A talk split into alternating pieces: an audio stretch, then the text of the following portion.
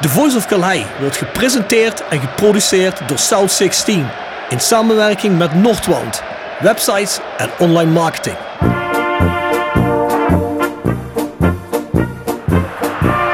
René van de Kerkhof, kom! Het hoofd van Danninga, het is het doelpunt! Het is het hoofd van het is het doelpunt! Het is 1-1 in de 36e minuut. drink dan eerst gezellig een kopje koffie, praat met wat mensen.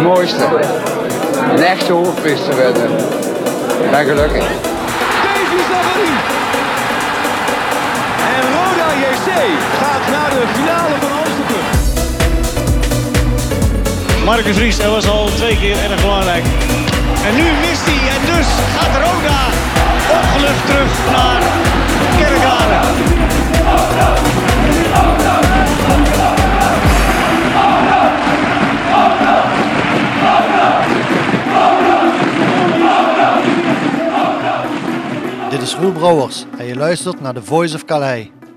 Ja, Bjorn Jegers. Voorlaatste podcast van dit seizoen. Een korte zomerpauze. Volgende week de afsluitende met, met al onze trawanten van de Voice of Calais. Ja, ik heb begrepen dat je Bart hebt uitgenodigd. Je hebt Mo uitgenodigd en je hebt Jasper, Jasper Klute uitgenodigd. Dan moeten we natuurlijk hopen dat Jasper Klute dan niet toevallig in de trein zit. Ja. Maar als hij tijd heeft, Ja, dan doet hij mee, hè? Ja, ja. ja, we hebben wel één microfoon te weinig, maar die kunnen ze wellicht een beetje uitwisselen. Ah, coronatijd, maakt het uit, man. Ja, daar houden we eens hier dan op, hè, corona. Nee, dat is voorbij, heb ik gehoord. Wij zijn RodaJC.nl, de grote website in het Roda gebeuren, het fangebeuren. Ik denk dat daar wel eh, de nodige transfergeruchten de circulatie doen. Op het prikbord, ik heb wel een menig fotootje gezien. Of dat allemaal klopt, ja, wie weet. Ik zag al eh, geruchten dat Jeffrey van As heeft gesproken met Dianessi van eh, MVV. Maar vervolgens werd er een foto van Okita bijgezet. Dat is Steven Neggen. De- ja, dus eh, ik zeg, ja jongens, zo wordt het moeilijk natuurlijk hè. Maar dat is toch de mooiste tijd van het jaar hè, die komkommertijd. Dat is er een beetje, eh, als die geruchten beginnen te stromen. Ja, als mensen niet meer weten wat ze moeten zeggen, Ja. niks meer op feiten berust. Houden het een beetje spannend hè. Ja, gezellig. We zullen zien. Ja, ik wil een beetje reclame maken voor het boek van eh, Pierre van Meulen. We hebben vorige week een uitgebreide podcast erover gedaan. Die hebben jullie wellicht op dit moment al gehoord. En het boek heet Alles op Gevoel. En dat kunnen jullie bestellen bij eh, Roberto underscore. Dat is het hele liggende streepje. Eh, Penino met dubbele n at hotmail.com. Maar je kunt het ook straks als het uit is eh, gewoon op bol.com krijgen op Amazon of waar dan ook. Hè. Ja, lijkt een heel interessant boek te worden. De special was eh, heel interessant. We hebben een paar eh, tipjes van de sluier qua anekdotes opgelicht. Ja, ik, ik moet zeggen, er zaten een aantal verhalen bij. die kon ik echt nog niet. Dus ja, ik heb hem voorbesteld. Jij, Bjorn? Ik ook, zeker. Ja? Ja, Mooi. meteen. Dan hoop ik dat je een mooie handtekening erin hebt staan, Bjorn. Nou, ik heb gezegd, doe mij maar zonder handtekening. Want als ik, ik cipieer toch regelmatig, dan laat ik hem zelf wel even een Ja, krabbeltje ja. zetten. Met een speciaal bericht erbij. Ik denk het wel, ja. Ja, mooi, mooi. Ja. Jullie weten wellicht dat wij Zonderdag bier hebben uitgebracht. Dat eh, was ook eh, meteen weer uitverkocht na de, de Glughof. Er komt trouwens een nieuw. Hou dat in de gaten. Ik krijg daar veel vragen over. Maar we hebben ondertussen weer een nieuw biertje gebrouwd. Met een brouwerij uit Weert. Met In de Nacht heet die brouwerij. En dat biertje heet Sweet 16. En dat is blonde kwijk. Kwijk is een soort, een Scandinavische gist. Nou, die heb ik in een andere vorm geproefd. Dat is heerlijk. En we hebben er wat andere hobben toegevoegd. En wilde persik. Dus eh, dat komt nu in de voorverkoop. Hou het in de gaten. En bovendien mensen, de podcast volgen hem op Spotify, iTunes, Soundcloud, Amazon, podcast waar je hem ook maar kunt volgen. En abonneer je erop, zodat je meteen weet wanneer hij uit is. En bovendien, hè, heel belangrijk, delen met je vrienden, delen met je familie, zodat zoveel mogelijk mensen luisteren. Dat is toch wat we willen, of niet Bjorn? Dat willen we zeker, maar dat gebeurt volgens mij ook wel, hè. We hebben al een tijdje niet meer bekeken hoeveel streams we hebben, hè. Ik kijk er wel heen hoor, maar ik, Ja, maar je zegt het mij ik deel gewoon dat alleen maar met jou. Nee? Oh, ja, dat valt me nou in. Nee, nee, het is een lekkere all-time high. We zullen het dan volgende uitzending wel over Mooi, hebben. Een mooi, beetje. mooi. Dan gaan we toch het seizoen bespreken, hè, dus dat wordt mooi. Bjorn, twee zinnen. Roda 1962. Ja, heel belangrijk begreep van de mannen dat eh, de groei eh, gestaag is ingezet. Hè. We zijn Ja. een hele lange tijd op, eh, op en nabij 500 mensen gebleven. Maar nu staat hij volgens mij al bijna op 700, als ik het goed begrepen heb. Dus de groei zit er nog steeds in. Dus we komen dicht bij die duizend eh, leden. En die willen we hebben. Want als de duizend leden er zijn, dan eh, is er ook een bepaald lidmaatschapsgeld. En met dat lidmaatschapsgeld kunnen we samen met de club een mooi doel met z'n allen eh, afspreken waar dat geld naartoe gaat. Mhm. En dat lijkt me al een eh, hele mooie reden om lid te worden. Afgezien van het feit dat je natuurlijk ook het blad Der Koempel krijgt. Die heb ik afgelopen week gekregen, met veel plezier gelezen. Dus dat is ook weer een van die voordelen. Een heel mooi blad geworden. En natuurlijk dat je tegen een fusie kunt stemmen. Dat blijf ik herhalen. En mensen denken nu van ja, waar komt hij nou mee? Fusie is iets in een ver verleden. Maar je weet het maar nooit hè. Dus je kunt maar beter lid zijn Rob. Hey, voordat je het weet staat er hier weer een of andere Mexicaan voor de deur die de club overneemt. Dan kun je maar beter zorgen dat je alles afgekaart hebt op dat niveau. Het hoeft niet eens een Mexicaan te zijn. Hè. Er zijn ook in het verleden lokale mensen geweest die op een fusie aanstuurden. En toen wilden we dat ook niet. Nou ja, dan kun je maar beter zo'n vetorecht eh, hebben. Zo is dat. Vers gebrande pinda's. Wordt gepresenteerd door Hotel-Restaurant de Veilerhof. Boek een overnachting of ga heerlijk eten in het mooie bergdorpje Veilen. Voor boekingen ga naar www.veilerhof.nl. En Torapi Autodemontage aan de Locht 70. Voor al uw auto-onderdelen en het betere sloopwerk. Al 40 jaar een begrip in Kerkrade. Tevens gesteund door Fandom Merchandising. Jouw ontwerper en leverancier van eigen sjaals, wimpels en andere merchandising. Voor sportclubs, carnavalsverenigingen en bedrijven. Al jarenlang vaste partner van de Rode JC Fanshop. Check onze site voor de mogelijkheden. www.fandom.nl Wil je mooie luchtopnames van je huis, omgeving of bruiloft? Laat mooie droneopnames maken door de gecertificeerde Sky Art Pix dronefotografie uit Simpelveld. Bekijk de site voor de vele mogelijkheden. www.dronefotografie-sap.nl Bjorn, de prijsvraag. In de laatste podcast van het seizoen volgende week zal ik eh, de winnaars van de laatste afleveringen bekendmaken. Dat zijn er een hele reeks weer. Maar ik heb er natuurlijk ook weer een prijsvraag voor vandaag. Rappetje C behaalde in 1956 de landstitel. Onze voorloper Rappetje C. Welk ander Limburgs team behaalde al eerder een landstitel en in welk jaar? Weet je dat, Bjorn? Ja. Maar ik ga het niet zeggen. Nee, ja, dat, dat lijkt me geen goed idee. Nee. Wat kun je winnen? Tickets voor het Mijnmuseum weer 2. Je kunt Fandom Sjaal winnen, www.fandom.nl. En je kunt een paar Marvel Grip Socks winnen. Van Pep Schlusser. Ik heb met Pep Schlusser gepraat. En Pep Schlusser zegt, ah, geef maar een paar weg. En die zegt, ook in de toekomst wil ik graag de rode supporters nog iets nalaten. En die zegt, ik zorg ervoor dat iedereen 25% korting krijgt die die gripsocks bestelt. Dus als je nou naar www.marvelgripsocks.com gaat en je vult de code in TVOK, dus van de Voice of Calais, TVOK 25, dan krijg je 25% korting op wat je besteld hebt. Dat is ook een mooie van Pep. Dat heb je wel heel mooi uit onderhandeld. Ja, ja. Netjes. Ja, ik denk we moeten iets doen voor onze luisteraars. Hè? Dus eh, heb je nieuwe sokjes nodig voor te sporten? Ah, of misschien ook gewoon voor in het huis. Heb je gladde vloer? Marvel Grip Socks, dat is Mooi. hem. Netjes. Voor de rest, mensen kunnen naar de online shop south16.com. Daar vind je ook de Voice of Calais shirts. Ik heb trouwens een eh, hele nieuwe drop erin gezet gisteren. Er is ook al veel besteld. Er zijn al veel maten weg van de nieuwe merch. Dus ga er zeker even kijken. Shop werkt met Ideal. En de Voice of Calais at south16.com is ons mailadres. Dus mail ons daarop. Tip van de week. Gepresenteerd door Jegers Advocaten. Ruist de Berenbroeklaan 12 in Heerlen. Hart voor weinig, nooit chagrijnig. www.jegersadvocaten.nl En Nextdoor Kapsalon, Nagel en Beauty Salon op de locht 44A8 te Kerkrade. Tevens gesteund door Roda 1962. Bouw samen met andere Roda-fans mee aan een Roda dat je door kan geven aan de volgende generatie. Word lid van Roda 1962 via www.roda1962.nl. Roda 1962. Lid worden is echt niet lastig. Bjorn, tip van de week. Kijk, een van de beste Nederlandse series op dit moment op Netflix is natuurlijk Undercover. Die zal je ook wel gekeken hebben, Ja. hè? Geweldig. Ja, welke film moet je dan ook kijken?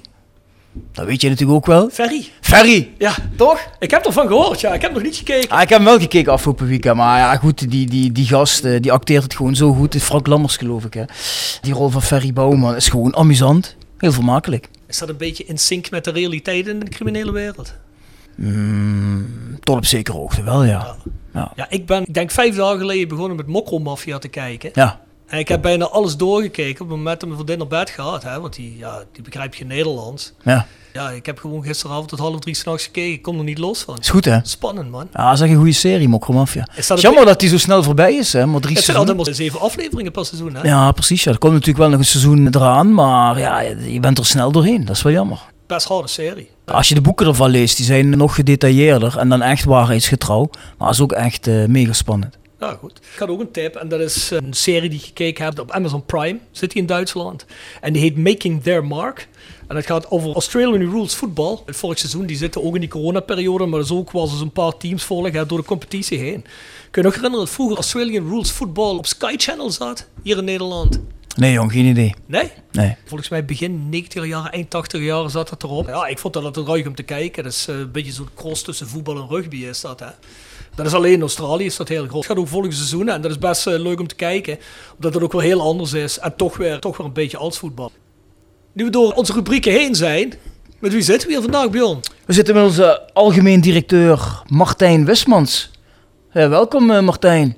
Ja, dankjewel. Het heeft een tijdje geduurd, hè? want eigenlijk zouden we met de AD eh, natuurlijk sneller om de tafel eh, gaan zitten. Ja. Maar er was er een paar keer wat tussen gekomen, geloof ik. Hè? Maar ja, Ja, beter was- laat dan nooit. Nee, maar is toch goed. We zitten op het einde van het seizoen. Hebben we ook het meeste om over te praten. Mooie afsluiter van het seizoen, denk ik, ja, ik voor de luisteraars. We hebben ook wel een aantal vragen gekregen van vaste luisteraars. Dus daar komen we denk ik eh, zo meteen wel aan toe bij het behandelen van de diverse onderwerpen. Ja, en ik heb eh, helemaal voor het einde van de rubriek van Martijn hebben we ook nog drie tikkies terug. Dat zijn altijd vragen door onze gasten worden gesteld aan volgende gasten. Ja.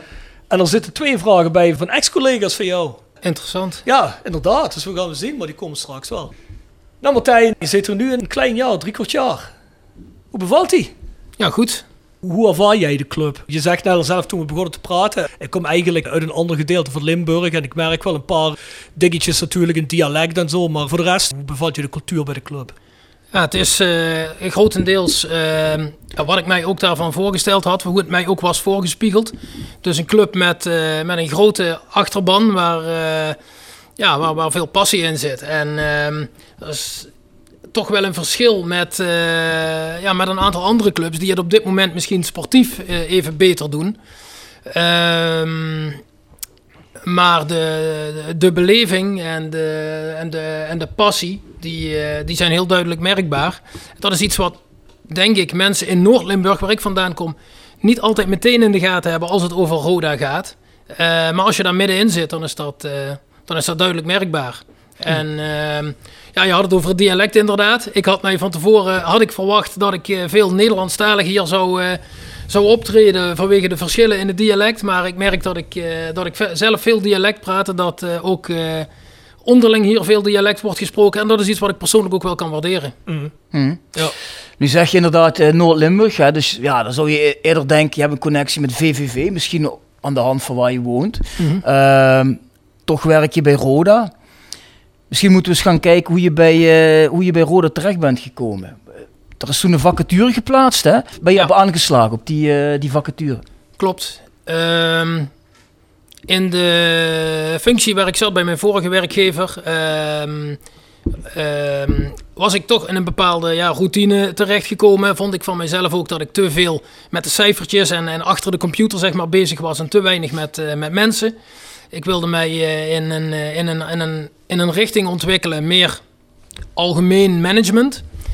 Ehm, maar belangrijker nog, eh, de passie voor het voetbal en eh, sport in het algemeen, maar voetbal in het bijzonder, heb ik toch altijd in mijn achterhoofd gehad dat als ik via het bedrijfsleven, via mijn loopbaan in het bedrijfsleven ooit die zijwaartse sprong zou kunnen maken, dat ik dat graag een keer zou, eh, zou doen, zou willen proberen. Ik had natuurlijk geen ervaring in het betaald voetbal van tevoren, maar ik had dat wel ergens, zeg maar, dat stemmetje in mijn achterhoofd.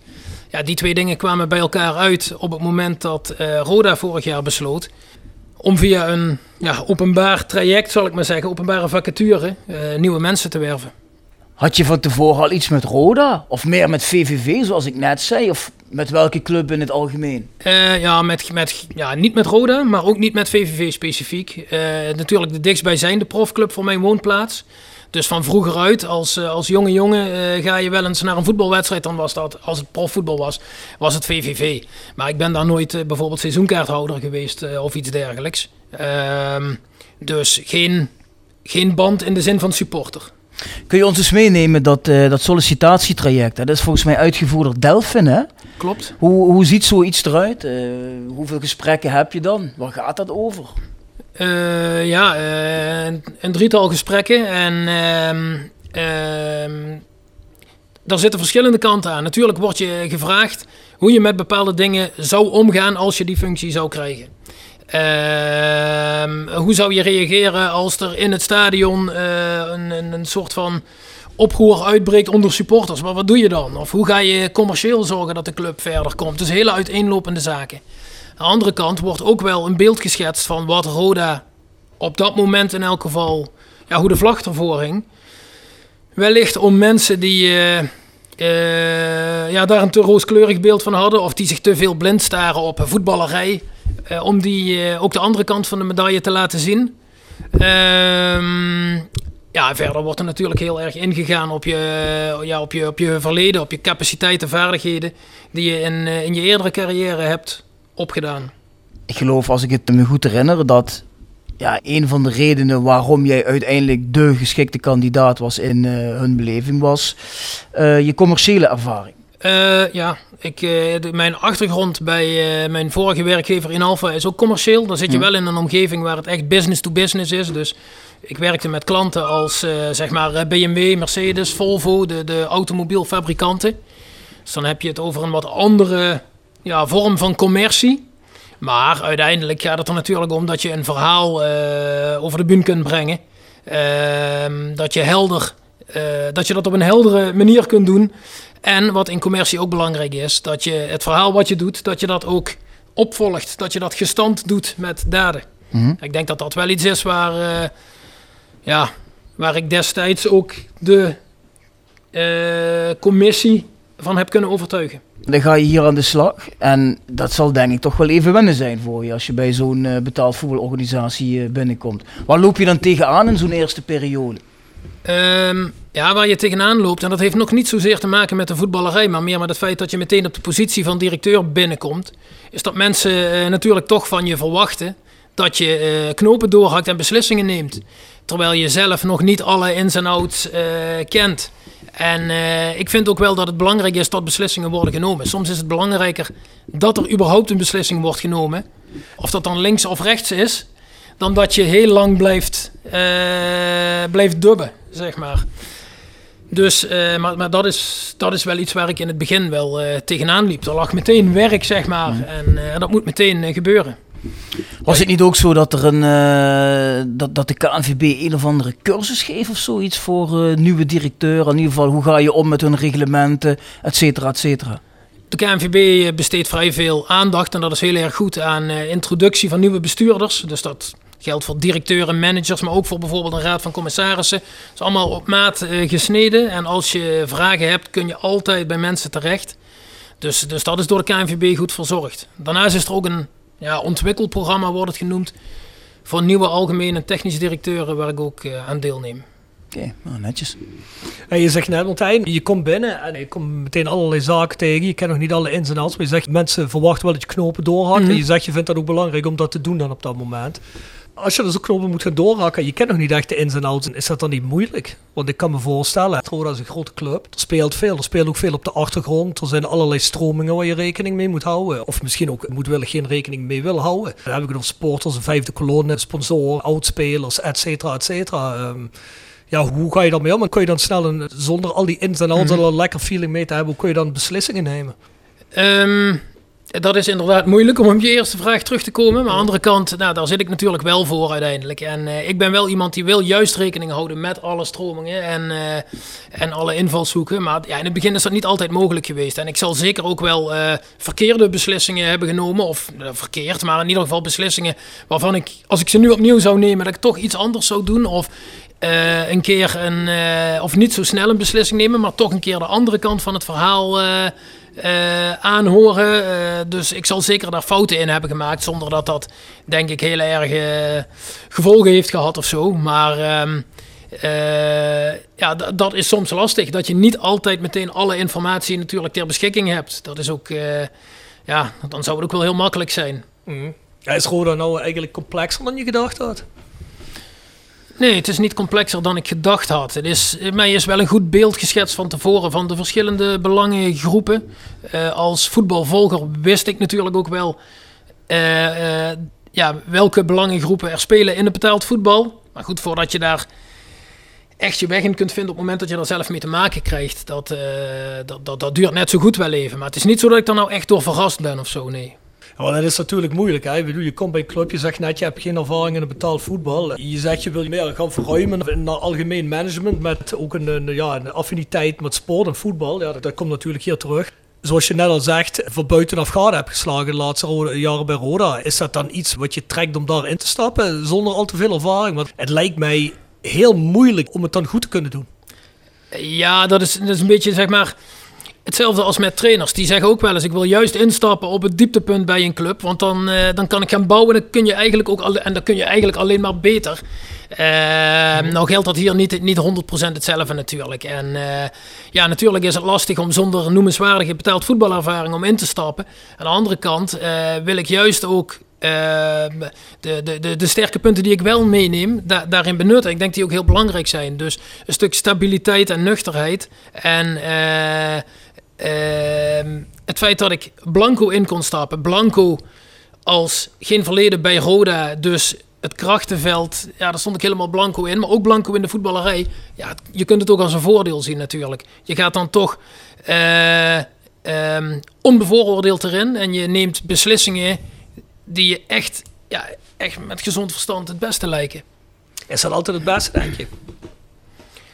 Eh, ja, eh, in- het, ja, zeker in die situatie dat je binnenkomt eh, in een. In een, in een eh, wa- waar toch echt opnieuw iets moet worden opgebouwd. Roda stond toch op een punt dat er weer een, ja, weer een, weer een nieuwe start was gemaakt. Wellicht niet de eerste, maar ja, op dat moment is dat een hele goede ja, positie om erin te komen, denk ik.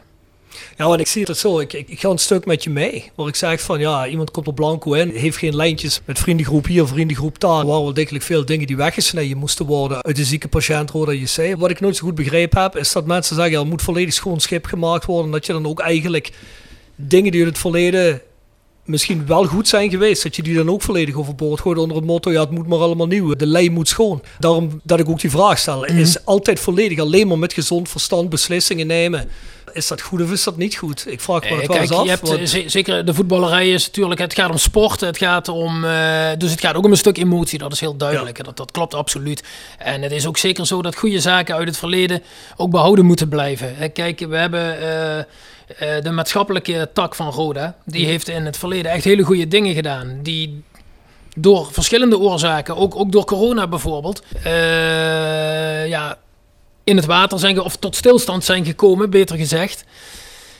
Nou, niets is, eh, of niets houdt ons tegen natuurlijk om die goede dingen, om daar weer op terug te grijpen en die weer te gaan oppakken. En dan moet je niet zeggen van nou, eh, dat hoort bij het verleden, dus we gaan dat eens even helemaal anders doen. Als het goed was in het verleden, dan kun je dat ook opnieuw eh, oppakken. Ja. Ja, ik wil trouwens heel even als kant. Ik bedoelde niet dat beslissingen met gezond verstand nemen niet goed is. Ik wil alleen maar mee zeggen, wat jij net ook al eh, benadrukte, er zit in een voetbalclub ook gewoon heel veel emoties. En er spelen veel emoties. En het zijn helaas ook dingen waar je rekening mee moet houden. Want dat, eh, ja, dat wordt soms wel eens over het hoofd gezien. Ik, ik zit wel, soms wel eens naar tv te kijken, naar interviews en ook naar dingen zoals hier Voetbal International, voor Mhm. mm. en Zuiden voor weten tegenwoordig. Het is nog. Ja, was het dan hebben over, ah, weet je wel, je moet het op die en die manier en, en, dit moet je geen rekening mee. Ja, dan denk ik van, ja jongens, jullie hebben gemakkelijk praten. Fans zitten op de tribune, die maken het allemaal mee. En het is toch een vereniging waar heel veel mensen doorgestroomd zijn en we weg waren en een rotzooi achterliet. Of het nou trainers waren, of, of, of technisch managers, of algemeen directeurs, of, of eigenaars. Daar word ik dan een beetje gek van, want voetbal is wel degelijk emotie. Dus je kunt niet op alles zomaar zeggen, nou, dit is volledig logisch eh, en dat doen we op die manier. Want dan zou ik in principe ook een robot kunnen laten runnen. Om het zomaar eventjes heel extreem te zeggen, maar dat wil ik daar eigenlijk mee zeggen. Nee, dat is ook zo, denk ik. Heb je 100% gelijk. in. Toch? Ja. De snor heeft niet in alles gelijk, natuurlijk. Hè? Nee. Hij weet wel veel, maar niet alles. Nee, je weet niet alles. Nee. Maar Martijn, kijk, je, je komt niet uit de parkstad, hè? En elke regio heeft zijn eigenaardigheden en zijn gewoontes. En dat zal voor ons hier niet anders zijn. Heb je wel eens het idee dat je het moeilijker hebt om iets voor elkaar te krijgen, omdat je dan misschien iemand van buiten bent? Of wordt het hier heel makkelijk geaccepteerd? Eh, nee, ik heb niet het idee dat het. eh, dat ik dingen niet voor elkaar zou krijgen omdat ik eh, iemand van. Nee, dat idee heb ik niet. Nee. Dus we zijn toch eigenlijk hele vriendelijke mensen, als ik het zo begrijp. mensen, Ja, absoluut. Ja. Kijk, Ja, je bij hebt- u wel, voor de rest kan ik het niet zeggen. Wij wel, ja. Ach, waar je ook komt, hè, overal, eh, en, en overal heeft een, eh, een streek heeft zijn eigen, eh, ja, zal ik zeggen, eigenaardigheden. Maar daarbinnen heb je, heb je, heb je ook weer mensen met bepaalde karakters. En of, je, of je nou, kijk, als je in de achterhoek komt, dan zullen mensen o- o- o- ook zeggen, wij zijn op een bepaalde manier zitten wij in elkaar. En, Tuurlijk. en, en, en dat geldt in, eh, in Noord-Limburg, eh, wat meer mijn streek is. En dat geldt, dat geldt hier ook. eh, Maar ook daarbinnen heb je, heb je, heb je ver- overal verschillende karakters. Dus zo groot zijn die verschillen ook weer niet, wil ik maar zeggen. Zeg het maar op. Anders wilde ik even een vraag Nee, meenemen. een vraag ik eens even een vraag doorheen gooien? Een klein uitstapje naar een ander onderwerp. Dan gaan we dadelijk verder met de thema's. Eh, van onze goede vriend Lars Brouwers. Die ken je natuurlijk wel, Rob. Oh, die ken ik zeker. Z16er, hè? Er is een vraag binnengekomen van Lars, maar niet alleen van Lars, van meerdere supporters die zich wat zorgen maken over de fanshop. Want Lars zegt ook, waarom is een hoop wat onze fanshop de fanshop maakte eruit gehaald ten faveur van Legia shirts? En veel fans herkennen zich niet meer in de kille, onpersoonlijke ruimte die ooit een mooie ontmoetingsplek was. Waarom is dit zo gegaan? De identiteit van de fanshop gaat een beetje verloren. Waarom is dit zo? En ja, wat kan eraan gebeuren? Oké, nou, een kille onpersoonlijke ruimte moet het zeker niet zijn. Laat, dat, eh, laat ik dat voorop stellen. Dus eh, dan, eh, als, als dat zo ervaren wordt, dan moeten we daar naar kijken. Want dat, dat is uiteindelijk belangrijk. Als het gaat om ontmoetingsruimte en, en, en, die sociale functie, die is heel belangrijk. We zijn van plan om de brasserie te gaan ombouwen. En, en ook de brasserie en de fanshop meer aan elkaar te verbinden. Waardoor je een echt een sociale ruimte daar creëert. Omdat de fanshop uiteindelijk eh, natuurlijk ook een winkel is. En, eh, en, eh, en een, een brasserie of een café of net wat. eh, meer die sfeer kan ademen ook van die, van die ontmoetingsruimte. Dus dat willen we juist aan elkaar verbinden. Binnen, binnen welke termijn moet dat plaatsvinden? Ehm, richting vol, ja, bij het begin van volgend seizoen zou dat. En Dat kan, daar kan een paar weken tussen zitten. wil niet zeggen bij het begin van, eh, van de competitie dat het meteen klaar is. Maar het streven is wel rondom die periode. Ja, ik ben al een tijd niet meer in de fanshop geweest. Jij wel, Rob? Is- wat- heb, je dan gezien, Ah, heb je dan gezien wat voor dingen daar eh, veranderd zijn ten opzichte Ja, van... het de is eh, een stukje strakker geworden.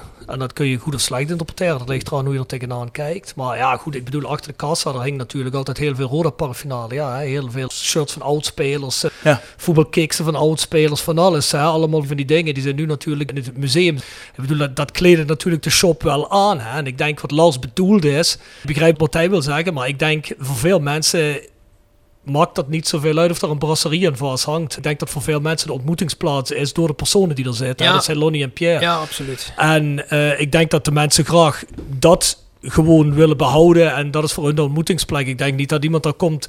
Als je niet met Lonnie en Pierre kunt rondhangen daar, dan gaan ze niet zeggen van oké, dan hang ik wel in de bar in de brasserie. Bij wijze van spreken. Nee, hè. absoluut. Maar dat is eh, goed dat je dat, dat, je dat ook, ook vermeldt, Rob. Want dat is natuurlijk ook heel belangrijk. Het gaat niet alleen om de inrichting, maar het gaat vooral om de mensen. En, eh en dan, eh, Lonnie en Pierre in dit geval. En Ja. absoluut heel belangrijk.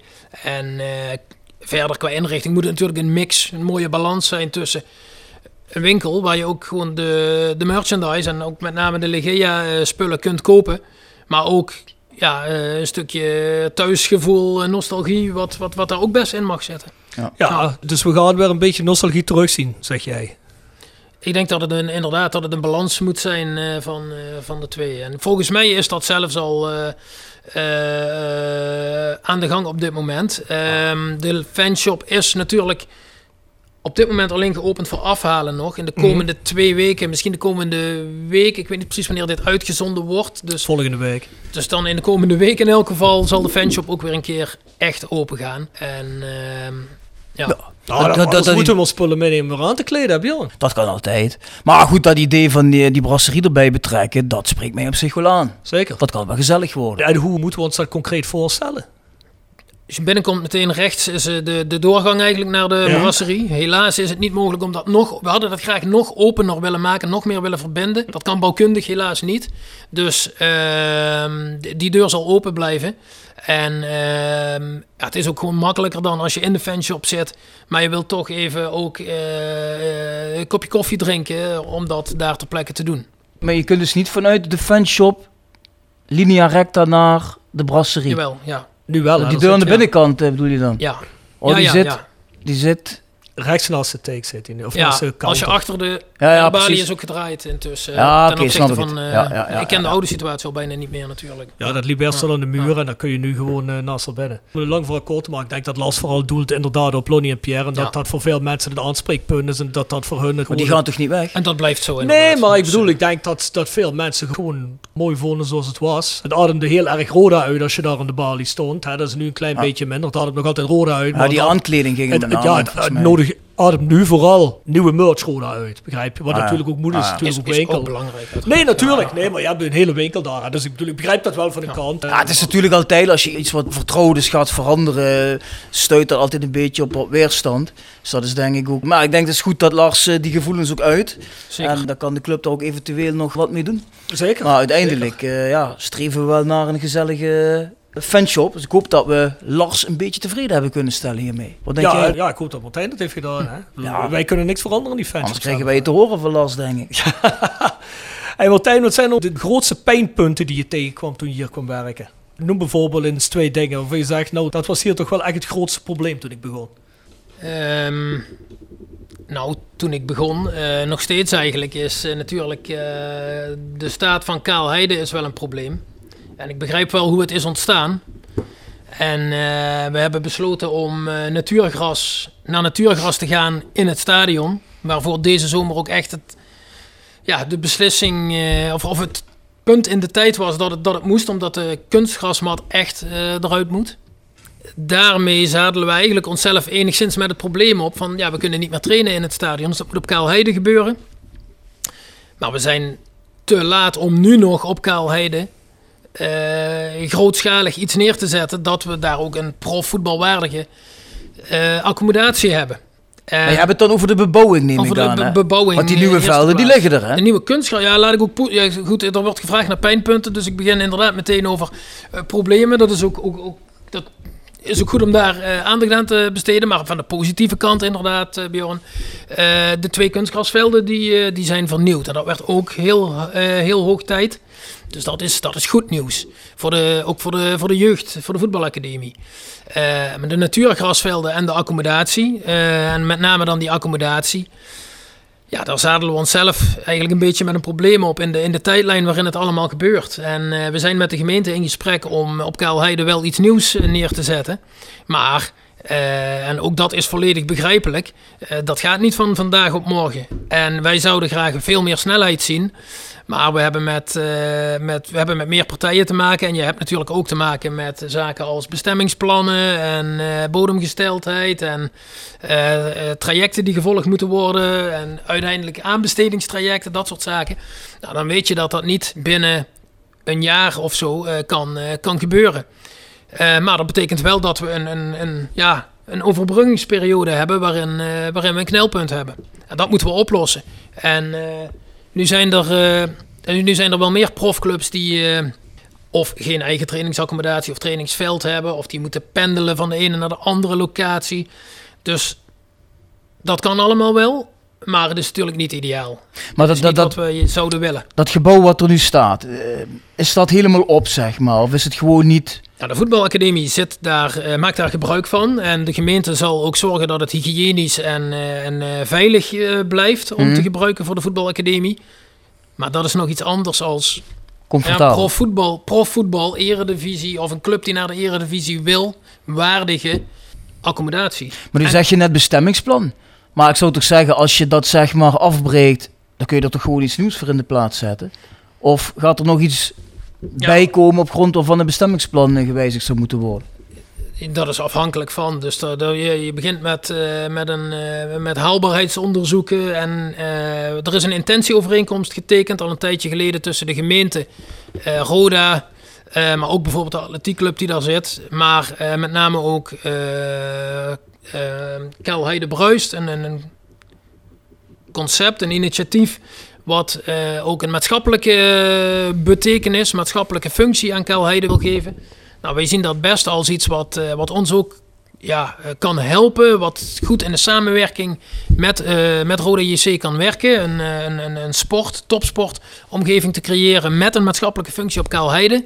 Ehm maar dat betekent wel dat je qua. Dat betekent dat die plannen uitgewerkt moeten worden, laat ik het zo zeggen. Dat daar dus haalbaarheidsonderzoek moet plaatsvinden. Maar dat zou ook moeten als we daar een andere bestemming aan zouden willen geven. Hè. Dus het is niet zo van als we daar nou vanaf zouden zien dat het ineens wel sneller ging. Maar wat je ook wil met die locatie, je zult daardoor bepaalde. ehm, eh, zal ik zeggen, eh, plannings, ja, milestones, langs bepaalde vaststaande trajecten moeten gaan om dat voor elkaar te krijgen. En als we hadden gewild dat we daar nu iets hadden staan, ja, dan hadden we daar dus drie of vier jaar geleden eigenlijk aan moeten beginnen. Mhm, mhm. Ja, goed. Ik, ik, ik En ik snap wel waarom dat niet gebeurd is, maar het is wel waar, de, ja, waar we in zitten. en dat zal natuurlijk wel weer een vraag zijn voor wie gaat dat financieren. Denk en ik dan. dat ook, ja. Ja, goed, dat is pijnpunt 1 en het grootste pijnpunt nummer 2. Nou, eh, eh, ja, corona uiteraard. Misschien was dat wel pijnpunt nummer één als je ze dan toch gaat rangschikken. Eh, maar, eh, Maar is dat het pijnpunt kijk- of komt dat er nog eens bij? Ja, kijk, ik ben op 1 oktober natuurlijk officieel begonnen hier. En ik herinner mij nog dat op 28 september eh, een, een, een verzwaarde lockdown inging. Want wij hebben in september hier nog twee thuiswedstrijden in elk geval met beperkt publiek kunnen voetballen. Mhm. Toen ik in juni, juli, augustus zeg maar voor het... Of in, in, ja, in het sollicitatietraject inderdaad zat en vervolgens ook voor het eerst hier rondliep. Toen gingen we er eigenlijk met z'n allen vanuit. Het gaat steeds beter qua corona. Hè, we gaan weer langzaamaan met... We gaan weer beginnen met voetballen überhaupt. We gaan weer met publiek voetballen. En dadelijk gaat het helemaal open. Nou, daar kwam klad in, in die trend zeg maar naar boven. Dat werd alleen maar slechter. Dus we gingen weer dicht. 4 oktober was mijn eerste thuiswedstrijd in functie, zal ik maar zeggen. Thuis tegen Volendam. Dat was zonder publiek. Dat was voor iedereen hier ook eigenlijk nieuw. En ehm, daarna hebben we in december zelfs nog een keer een verzwaring van de lockdown gehad. Want zelfs in oktober, november waren we al dingen zeg maar, vooruit aan het plannen voor in december, januari te gaan oppakken. Dingen die uiteindelijk niet konden, konden doorgaan. Of, of die in ieder geval op een lager pitje kwamen. En ehm, ja, dat is gewoon heel erg jammer inderdaad. Ik zou zelf komen op in zijn financiële situatie. Dat is nummer één. Budgetten sluitend maken. Daar hoort Kaleiden natuurlijk ook bij, maar alles eigenlijk. Hè. Ja, en wat al een pijnpunt al jaren is volgens mij, en dat ligt in het verlengde daarvan, is dat geen geheim. Dat is eigenlijk commercie, hè, dat daar eh, te weinig geld bij Roda binnenkomt. Volgens mij de twee echt heel grote pijnpunten. Kun je daar iets op zeggen? Of zeg je van nee, dat, dat zie ik helemaal niet? Nou, die twee punten zijn natuurlijk heel erg aan elkaar verbonden. Eh, kijk, we weten allemaal dat ehm, een jaar geleden, bijna exact een jaar geleden, dat eh, de situatie heel ernstig was. En dat de Phoenix Groep is. Eh, wat de Phoenix Groep heeft gedaan, is de aandelen teruggekocht. Gezorgd dat de aandelen in handen kwamen van eh, een, eh, een nieuwe stichting, een nieuw stichtingsbestuur. Ehm, dus Phoenix Groep heeft op dat moment zijn nek uitgestoken om ook wat, wat, wat zaken uit het verleden op te lossen, weg te werken, weg te poetsen. Ehm, en heeft zich daarbij ook gerealiseerd dat de situatie waar Roda op dat moment in zat, dat het nodig was om voor drie jaar een bepaalde bijdrage te doen, zodat er in ieder geval een, eh, een basis lag voor die drie jaar. Daarmee is de opdracht voor de huidige organisatie Roda, met mij dus met name, om in die drie jaar eh, weer de eigen broek te kunnen gaan ophouden. Dus de inkomsten, en dan heb je het dus over commerciële inkomsten eh, meestal, zodanig te verhogen dat en die bijdrage vanuit Phoenix niet meer nodig is na die drie jaar. En het liefst zelfs nog iets meer om ook nog een stapje te kunnen maken ten opzichte van waar we nu staan. En dat is moeilijk. Zeker eh, doordat we door corona toch, en ja, nogmaals, ik wil dat echt niet als een, als een flauw excuus gebruiken. Maar het werpt je op een bepaalde manier wel terug, omdat je niet naar buiten kunt met, eh, ja, met echte commerciële acquisitie. Maar ehm, ja, daarmee wordt die opdracht nog belangrijker, zeg maar, om de komende jaren dat te gaan doen. En eh, die opdracht is ook niet eh, alleen maar voor, eh, voor Roda zelf of voor de commerciële afdeling zelf. Ik heb ook, ook in de organisatie hier gezegd, hey, dat doen we met z'n allen. We, als Roda een, een, een, een- goed imago heeft en goed bekend staat, en dan kunnen we met z'n allen voor zorgen, dan wordt dat ook een stuk makkelijker.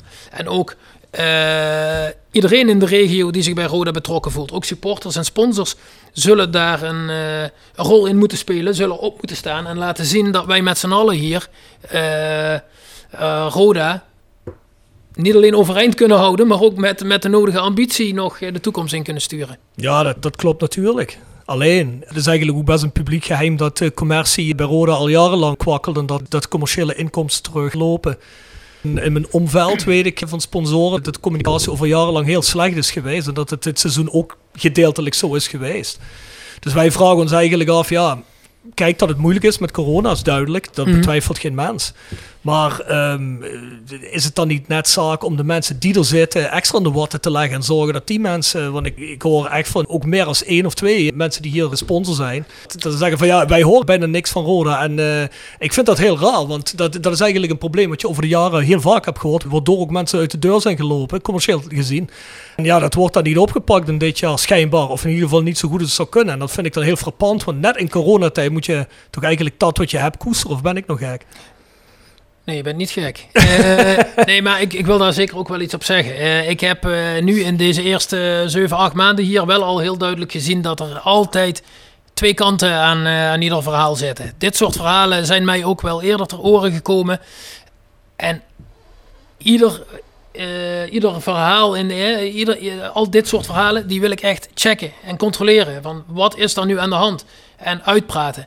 En zonder dat ik meteen voorbeelden eh, heb, maar ehm, het blijkt dan toch wel altijd dat het of wat genuanceerder lag, of dat er echt wel een twee kanten aan het verhaal zitten. Dus ik wil ook iedereen oproepen die met zo'n verhaal rondloopt, ga dat niet in je eigen kring spuien, maar bel, m, bel Roda op. Bel jouw contactpersoon bij Roda en doe je eh, verhaal. En eh, dan kunnen we er ook iets mee. En ik ben ook wel ervan overtuigd dat in de communicatie van het afgelopen jaar dat wij juist wel aandacht hebben besteed aan, eh, in ieder geval aan de huidige sponsors die hier eh, nu verbonden zijn aan de club. Eh, dat iedereen in ieder geval 100% zijn best heeft gedaan om dat echt, juist in tijden van corona, want dat klopt precies wat jij zegt Rob, juist in deze tijd, om iedereen verbonden te houden en, en ingeschakeld, bijgeschakeld te houden. Als het ergens niet is gebeurd, dan dan kan dat. Hè. Waar, waar gewerkt wordt, worden ook wel eens fouten gemaakt. Maar dan ben ik er wel van overtuigd dat daar ergens toch een bepaalde reden, een oorzaak voor, eh, voor te vinden is. Mhm. Dus ik zou die mensen echt willen oproepen. Laat het ons weten. En dan kunnen we daar ook iets mee. Oké. Die commerciële doelstellingen voor dit seizoen, eh, zijn die nou bereikt of zijn die niet bereikt? Als je puur naar de cijfers kijkt, dan, eh, dan zijn die niet bereikt. En dat komt toch ook met name omdat we augustus, september zeg maar best wel op koers lagen om ze wel te bereiken. Maar Mhm. daarna gewoon een aantal inkomsten hebben, hebben zien eh, ja, stagneren. Ehm, voor volgend jaar eh, gaan we ervan uit dat we wel een sprong kunnen maken op, eh, op commercieel gebied. En niet omdat we nou denken dat zo, zomaar ineens zich zoveel meer mensen gaan aansluiten, maar ook omdat we zelf, zelf natuurlijk onze plannen hebben en ook wel het verantwoord vinden om, om, om daar ambitieuzer in te gaan zitten. Zoals je misschien gezien hebt, zoeken we ook uitbreiding van ons commercieel team. Dus er staat een, een vacature open waar we redelijk ver mee zijn. eh, om daar ook meer eh, ja, mankracht, meer capaciteit op te hebben. Als ik heel even vraag, Bjorn, sorry. Als je dan zo'n extra persoon zoekt bij commercie, wat is dan het kernpunt waar jullie heen zoeken voor een voetbalvereniging zoals Roda? Wat moet zo'n persoon nou hebben om daar iets extra's aan te kunnen toevoegen? Jouws inziens. Om iets extra's te kunnen toevoegen, zoeken we een eh, persoon die. eh, eh, ik, moet hier, ik ga heel even nadenken, omdat ik al gauw verval in clichés. Want ja, natuurlijk, commerciële instelling. En de, de boer opgaan, de weg opgaan, de telefoon pakken, de auto instappen. En, en, en, en, en, het liefst een bestaand netwerk waar hij of zij kan binnenstappen op een goed niveau met het verhaal van Roda. En, eh, en ook het verhaal, wat kan Roda voor een sponsor betekenen, over de bühne kan brengen. Want dat is, dat is wel erg belangrijk. En niet alleen bij Roda, maar bij alle profvoetbalclubs. Eh de tijd dat een sponsor puur uit clubliefde binnenkwam en niks terug verwachtte, die is voorbij. Daarnaast hebben we natuurlijk al een flinke groep sponsors die toch vanuit een bepaald stuk club, hart, clubliefde natuurlijk ook hier verbonden zijn. Daar zijn we heel blij mee, heel dankbaar voor. En eh, proberen we ook zoveel mogelijk aan, ja, ook aan tegenprestatie te leveren. Maar waar we nog wel een, eh, een stuk te winnen hebben, is juist ook in het gebied, in de, in de groep sponsors, die er, wat, die echt wat zakelijker in zitten, die ook een stuk eh, tegenwaarde verwachten voor hun sponsoring. Wordt daarvoor niet, nu niet naar jou gekeken om te zeggen van ja, ga de boer op, ga naar die bedrijven toe? Of is het dan misschien niet zo van jij zegt van ja, daar heb ik geen tijd voor? Of dat, dat ligt mij misschien niet zo goed? Oh jawel, dat is, nee, zeker, en zeker doe ik dat, eh, doe ik dat ook. En, ehm, ehm, en zal ik dat nog meer gaan doen in de komende eh, maanden als het ook weer meer kan en, eh, en ook van toepassing is, omdat je natuurlijk naar een nieuw seizoen toe gaat. Maar ik heb daar niet zoveel tijd voor als dat ik van tevoren had gehoopt. Ehm, wel in het, ik zeg het neerzetten van het verhaal, maar om echt veel tijd te steken in eh, opvolging van, contact leggen met enzovoort. Ehm, dat is ook de reden dat we daar een extra persoon voor eh, aan het zoeken zijn. Dat is die functie sales manager, begrijp ik hè? Ja. Ja, ja, heb ik gezien. Dus mensen die commercieel een goed netwerk hebben en communicatief vaardig zijn, die moeten dus vooral brieven schrijven, denk ik. Hè? Ik denk dat die vacature nog... eh, Nee, die is nu eh, gesloten. We Is hebben een gesloten? aantal, eh, ja. We hebben een aantal goede kandidaten waar we, het, Oké. waar we mee in gesprek zijn. Dus komende weken zou dat tot witte rook moeten gaan leiden. Ja, Nou goed, want een van de dingen die ik frappant vind, maar daar hebben we ook vragen over gekregen, onder andere van Marco Rumkens. En dat heeft te maken met de naamgeving van het stadion. Wij hebben altijd begrepen dat Roda de naam Parkstad Limburg Stadion opnieuw zou kunnen verkopen. Maar daar hoor je maar niks meer van. Wat is daar de stand van zaken op dit moment? ja we zullen, wij zijn nog steeds geïnteresseerd om eh, een eh, sponsor te vinden voor de naamgeving van het stadion. Maar we willen dat wel ja, voor, een, voor een goede prijs uiteraard doen. Eh, dat is altijd een beetje ja, de afweging van wil je snel of wil je snel een deal hebben of wil je een, eh, een, een goede deal voor de juiste prijs? En het wordt dan toch het tweede natuurlijk. Ook omdat je de naam van het stadion niet voor een half jaar of voor een jaar gaat verkopen. Dat doe je vaak toch voor een wat langere periode. Dus eh, het is even- iets wat nog steeds op, eh, ja, op de radar staat. Maar even stap 1.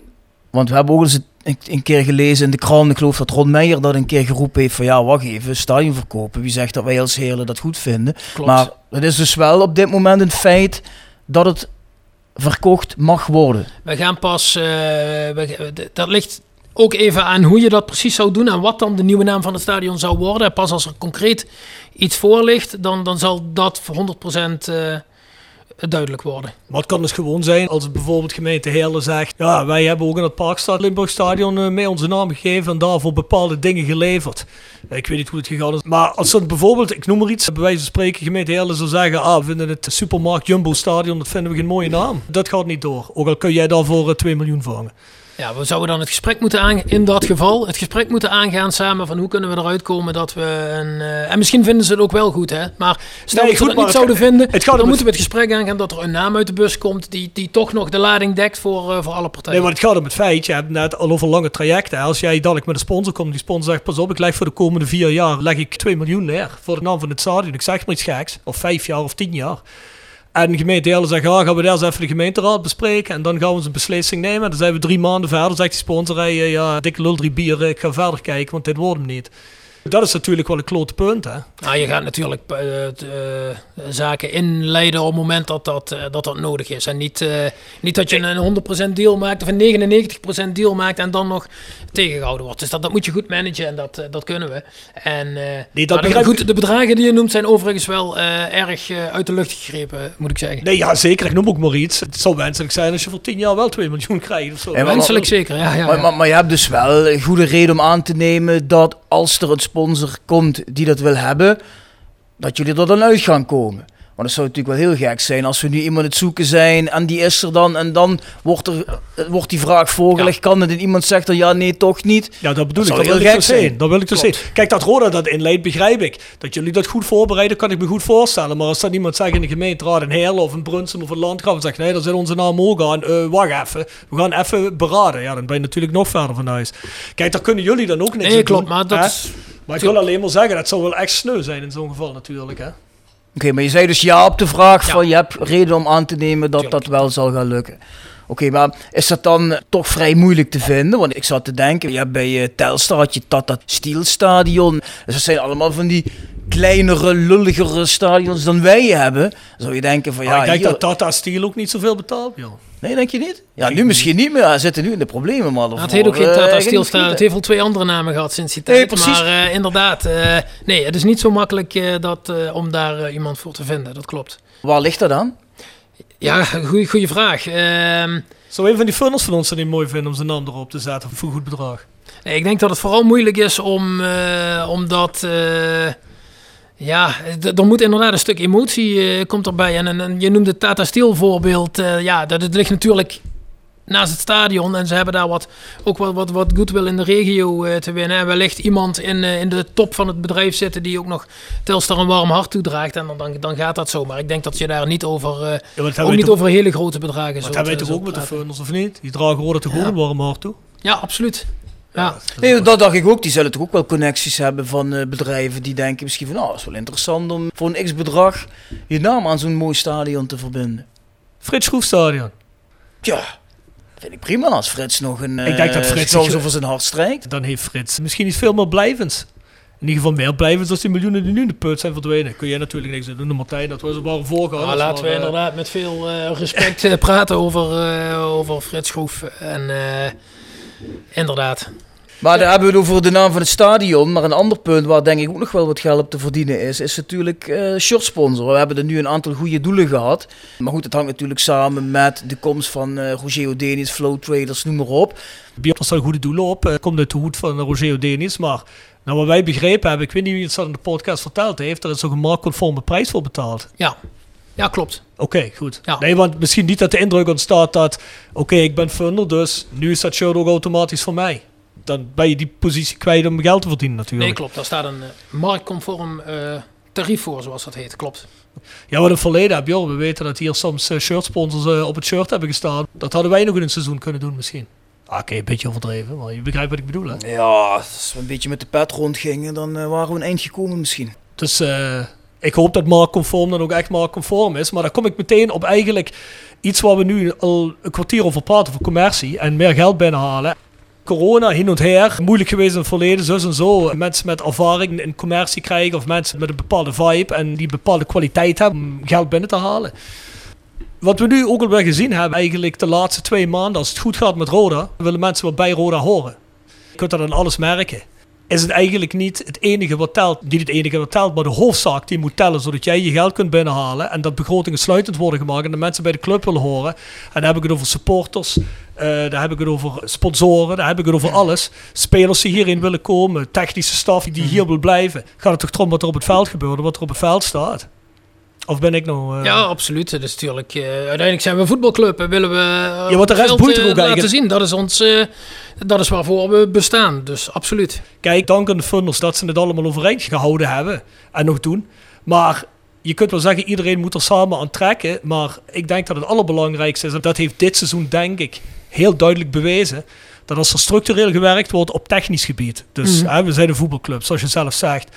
Als het daar staat en als het daar 100% gaat en als daar hoofdzakelijk heen gekeken wordt, dan volgt de rest vanzelf in het voetspoor.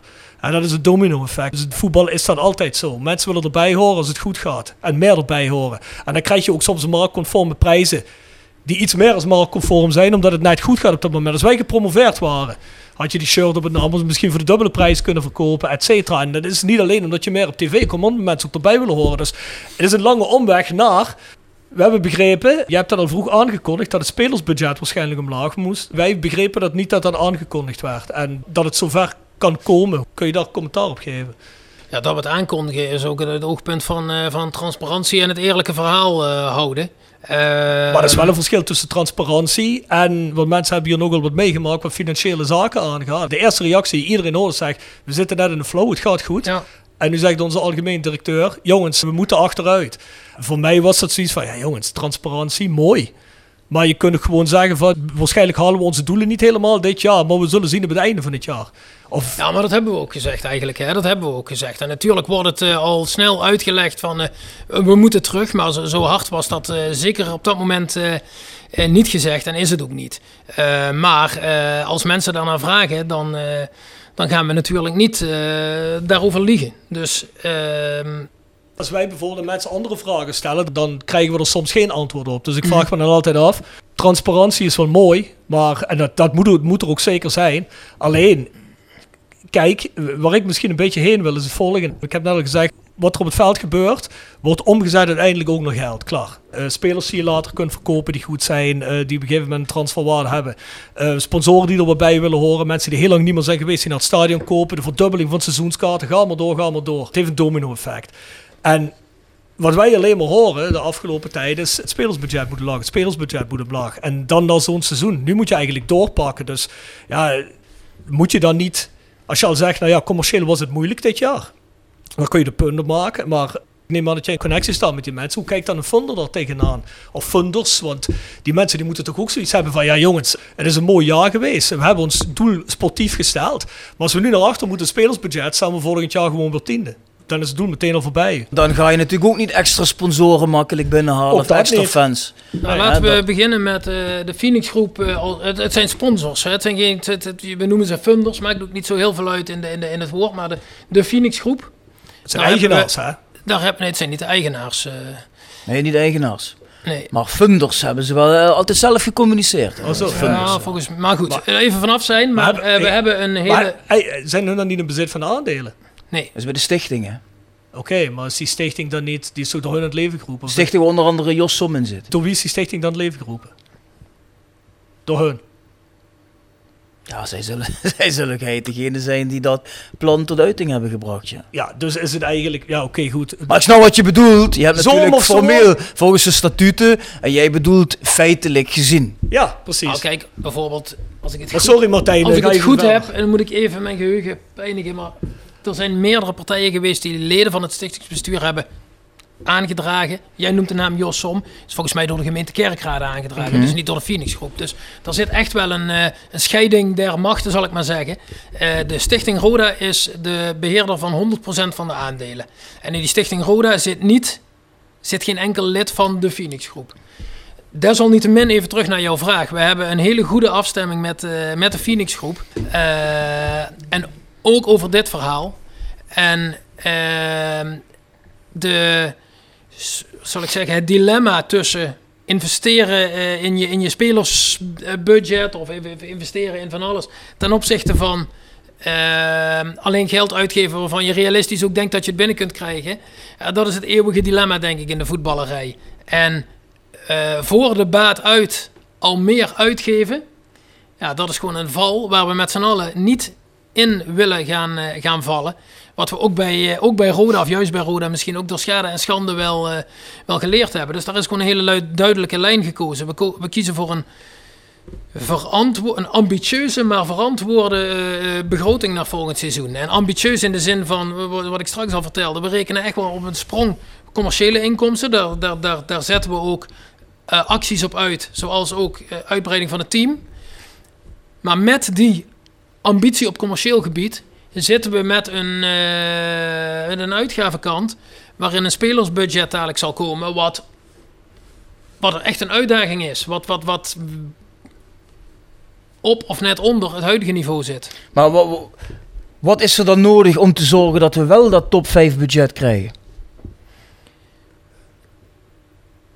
Ten eerste eh, eh, is een is ja, die, die, wat, ik, wat ik straks eigenlijk zei. Als wij in 2023 eh, die, die stap gemaakt willen hebben, moeten we met name onze commerciële inkomsten flink verhogen. En dat gaat echt niet zomaar van vandaag op morgen. Tenzij zich iemand meldt, inderdaad, of wij iemand vinden die, eh, die, die heel gemakkelijk even een zak met geld komt, eh, komt afgeven. Maar dat, dat, die kans is natuurlijk heel klein. Zo werkt dat in de echte wereld gewoon niet. Dus het, ook dat is toch een stukje geleidelijkheid en een stukje werken aan ehm, eh, de, de, de, de, de waarde die een sponsor hier ook vindt.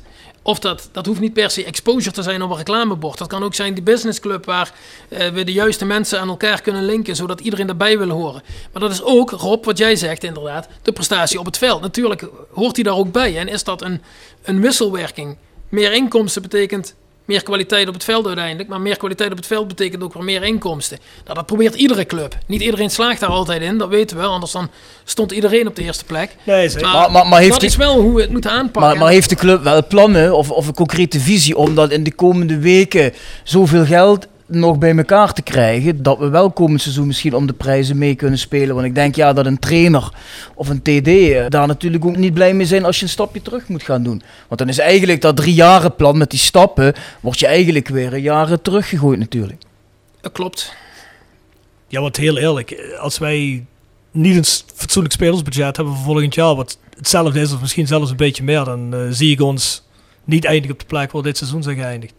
Kijk, in grote lijnen wordt eh, eh, de ranglijst bepaald door, eh, door, de, door de begroting. Er zijn altijd uitzonderingen, zowel positieve als negatieve zin. hebben we ook dit jaar gezien. We zijn vorig jaar natuurlijk pas heel laat begonnen met samenstellen van de selectie. Daar zijn we nu wat, wat, wat, wat eerder bij. Dus er zijn plus- en minpunten ten opzichte van hoe het vorig jaar ging. Maar ehm, Maar zijn we niet dit seizoen ook al redelijk laat? Als je zegt, we moeten eens gaan kijken dat er nog meer geld samenkomt. Eigenlijk moet toch een TD eigenlijk nu al bezig zijn met spelers verlengen. Dat is Ja. toch heel moeilijk nu op dit moment. Het enige wat wij horen, zelfs bij ons in de podcast, dat spelers zeggen van ja goed, mij is wel verteld dat er interesse is, maar er is nog niet concreet met mij gepraat. Gewoon omdat alle budgetten nog niet rond zijn. En dan denk ik, ja, ja, kijk, jongens, eh, eh, Dit is iets wat ik zeker dit jaar bij meerdere clubs eh, eh, beluister. Ik dacht dat ik het bij NEC eh, deze week ook nog eh, zag voorbij. Ze zijn nu gepromoveerd intussen natuurlijk. Ehm, oh, die hebben dat probleem kunt- volgend seizoen niet, denk ik. Nee, eh, dat wordt volgend seizoen anders. Maar ehm, je, je kunt natuurlijk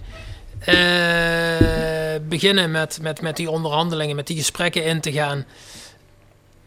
op basis van waar je nu staat. Je kunt ook zeggen, ik wacht nog heel even, misschien komt er nog meer. Dat is, ja, dat is altijd een afweging. En ehm, eh, als ik terugkijk naar, eh, naar dit seizoen... eh, en ook het, laat ik NEC als voorbeeld nemen. Eh, ik, van NEC weten we ook dat ze met bepaalde spelers vorig seizoen in de zomer al bezig waren. die ze uiteindelijk niet konden contracteren. Vervolgens komt er dan toch wat geld bij. Of dat dan later in de zomer of misschien zelfs in de winter pas is. dat ze denken: ja, hadden we die toen maar gekocht. En, en dat. of gekocht, dat zeg ik verkeerd. Gecontracteerd.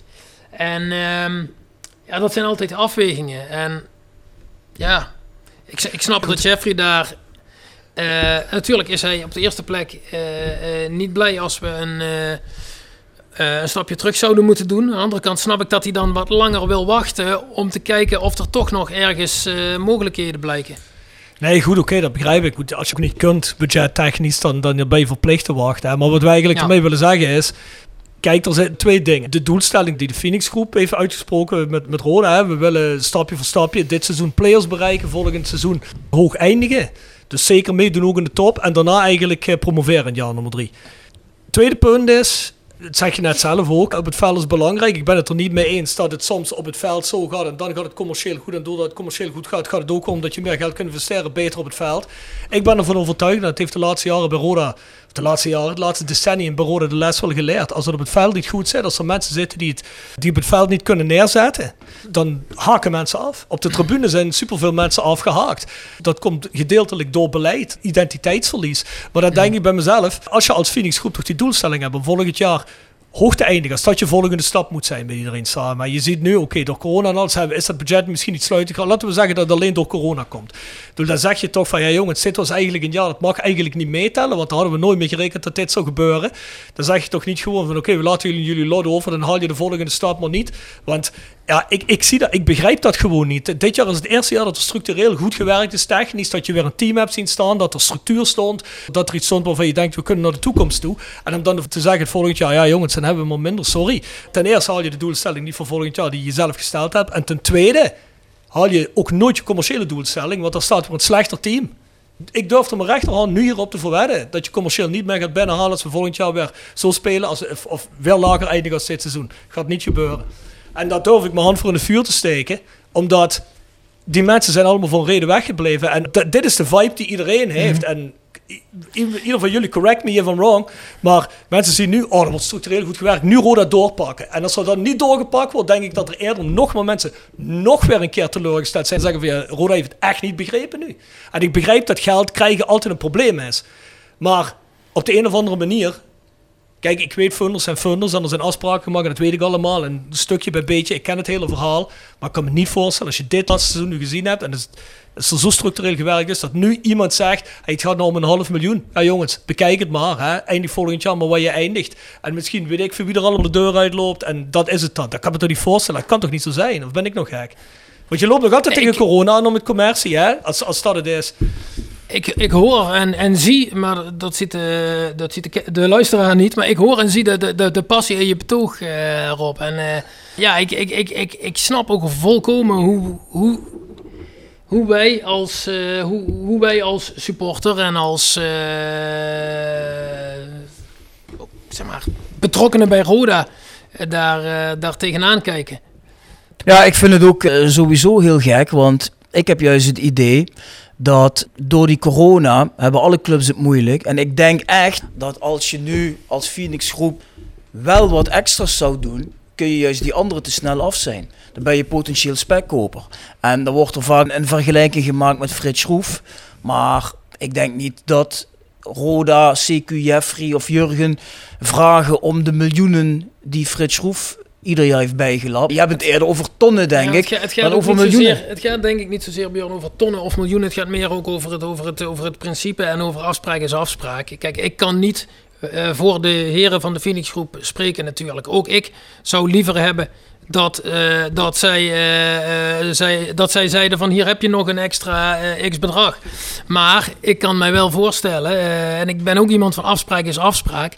En zij zullen ook willen zien dat, dat ook anderen iets doen. En dat hoort, Roda zelf moet dat ook gaan, gaan, gaan realiseren, gaan waarmaken. En anderen daarin meekrijgen. Als zij nu zouden zeggen, en ik, ik speculeer nu een beetje in mijn eigen gedachten. Ik spreek niet voor de Phoenix groep. Maar als zij nu toch weer over de brug zouden komen in x-bedrag. Dan ontstaat toch weer die mentaliteit van... Zie je wel, eh, ze, ze betalen uiteindelijk wel. En dan werp je uiteindelijk ah, ik snap je punt, Martijn. Ik snap je misschien punt. alleen maar verder terug. Ja, ik snap je punt. Ik bedoel, ik ben ook wel een man van afspraak is afspraak. Ik bedoel, je moet wel wat verder kijken. Dit is wel een heel uitzonderlijk jaar. Met een heel uitzonderlijke situatie. Waar nu inderdaad, daar heeft Rob gelijk. En iedereen nu zoiets heeft van, hé hey, verdorie. Oké, we zijn achtste geworden. Hè, maar we hebben sommige wedstrijden heel acceptabel voetbal gezien. Er is weer een begin van eerherstel. goed voetbal. Zelfs heel goed voetbal. Als je dit nou bij elkaar kunt houden en een beetje kunt uitbouwen, ja, dan kun je komend seizoen echt een grote stap maken. En dan is het gewoon veel makkelijker om uit die markt ook weer wat te betrekken. We vallen een beetje in herhaling, maar ja, je proeft ook bij ons wel een ja, beetje ja. de frustratie natuurlijk. ik, en ik snap de frustratie. Ik snap de, de, de- zeker de bevlogenheid waarmee jullie het ook brengen. En ik, ik snap dat ook. Alleen eh, eh, eh, die taak is inderdaad aan, aan, aan, aan ons, aan mij, aan, aan, aan de organisatie Roda, maar ook iedereen die om ons heen zit. En niet alleen aan die, aan die Phoenix groep. En ik denk zelfs als dit de discussie blijft continu, dan riskeren we alleen maar een verdere, eh, nou ja, verdere. En dan riskeren we alleen maar dat, dat, dat ook daar op een gegeven moment misschien gezegd wordt van. Eh, op deze manier eh, hebben we daar geen, eh, geen plezier meer in. Dus dat, dat wil ik voorkomen. We moeten gewoon ons aan de, Ja, maar dat, de afspraken houden die gemaakt zijn. Ja, maar goed, dat vind ik. sorry, maar dat vind ik, dat vind ik raar. Want daar kun jij verder niks aan doen. Ik vind dat raar. Want ik, ik vraag me af, wat wordt er dan verwacht van om Roda heen?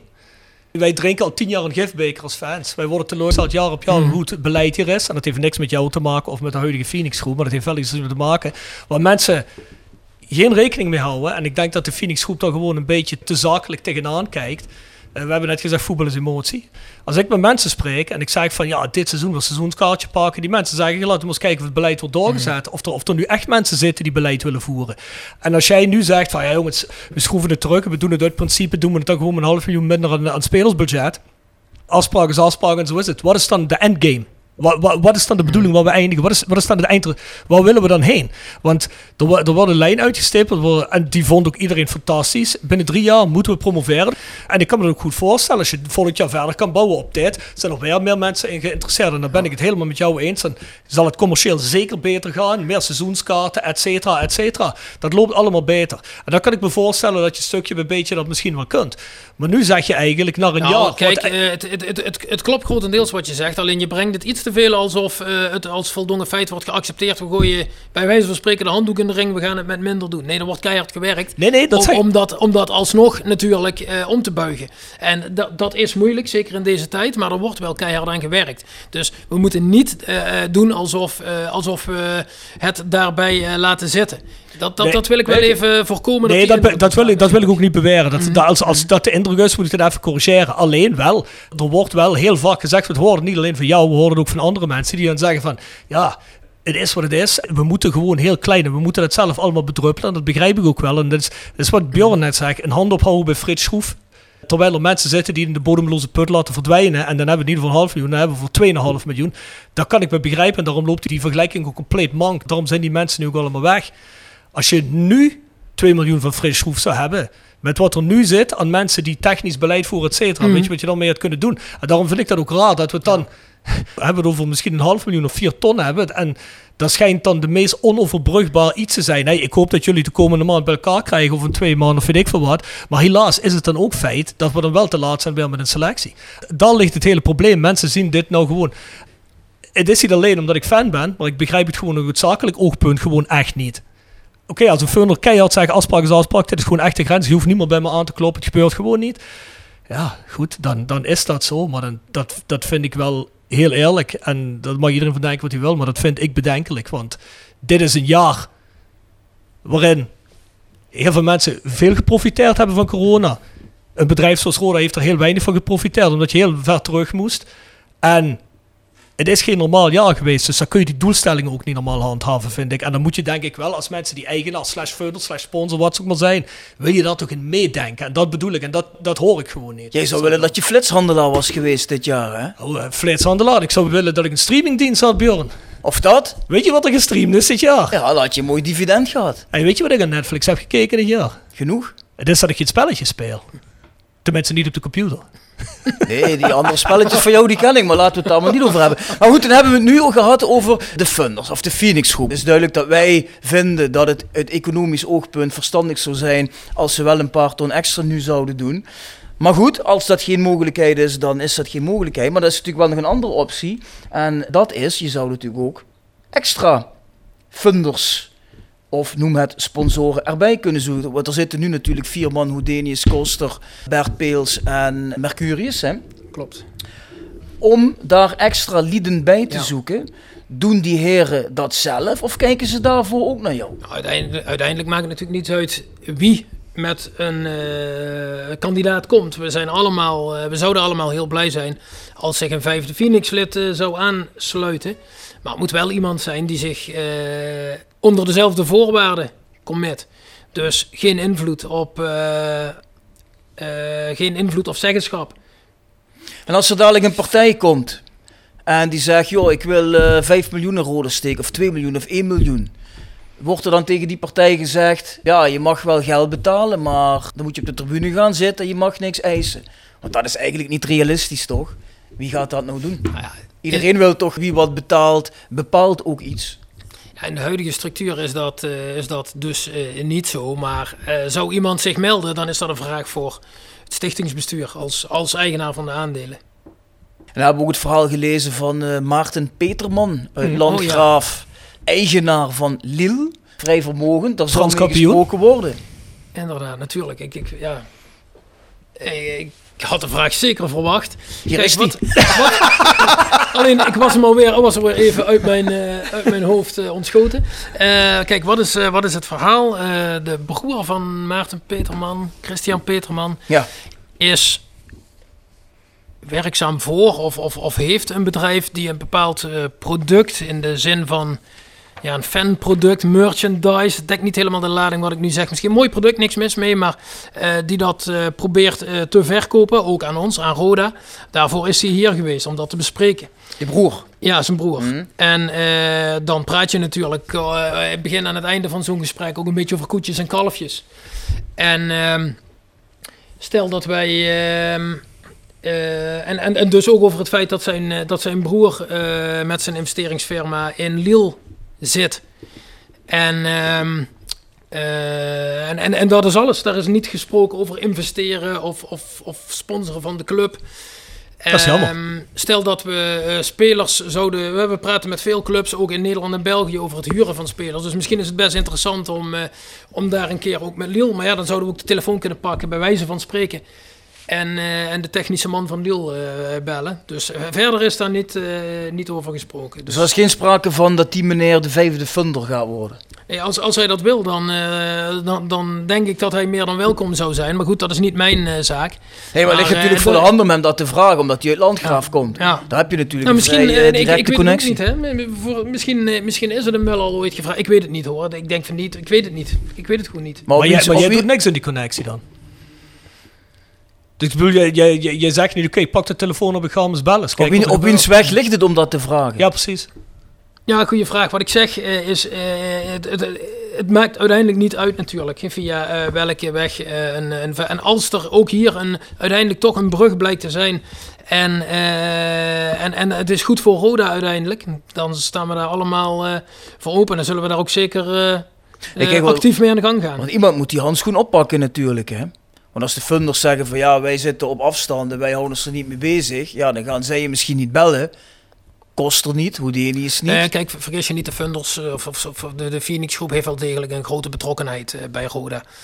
En eh, het zijn vier, het zijn vier personen, CQ bedrijven, die, die er allemaal net, misschien net iets anders in zitten. Maar goed, daar hebben we net ook, ook eigenlijk voldoende over gehad. Eh, maar het is, het is zeker niet zo dat we... Dat, dat, dat ze op een hele grote afstand of zo eh, zitten. Ze zijn echt wel betrokken. Misschien moet jij die Peterman bellen op. Bedoel, jij, je bent ook lekker gebackt. Bel Ja, als er man? iemand bij Roda belt, bel ik hem wel. Ja. Toch? Zou dat doen? Ja. Heb je telefoonnummer, Martijn, of niet? Nee.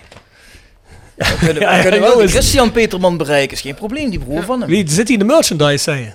Ja, het is, het is, een, het is een bepaald eh, eh,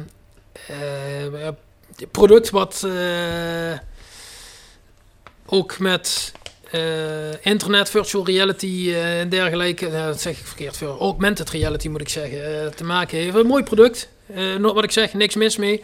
Maar goed, er- is een gigantisch aanbod van, van producten die eh, mensen proberen aan de aanhang van voetbalclubs te slijten. Ja, ja. Omdat dat kennelijk toch een hele interessante doelgroep is. Mhm. Dus eh, er is zoveel op dat gebied. Ja. Doe even een rubriekje doen, Rob. Zeker.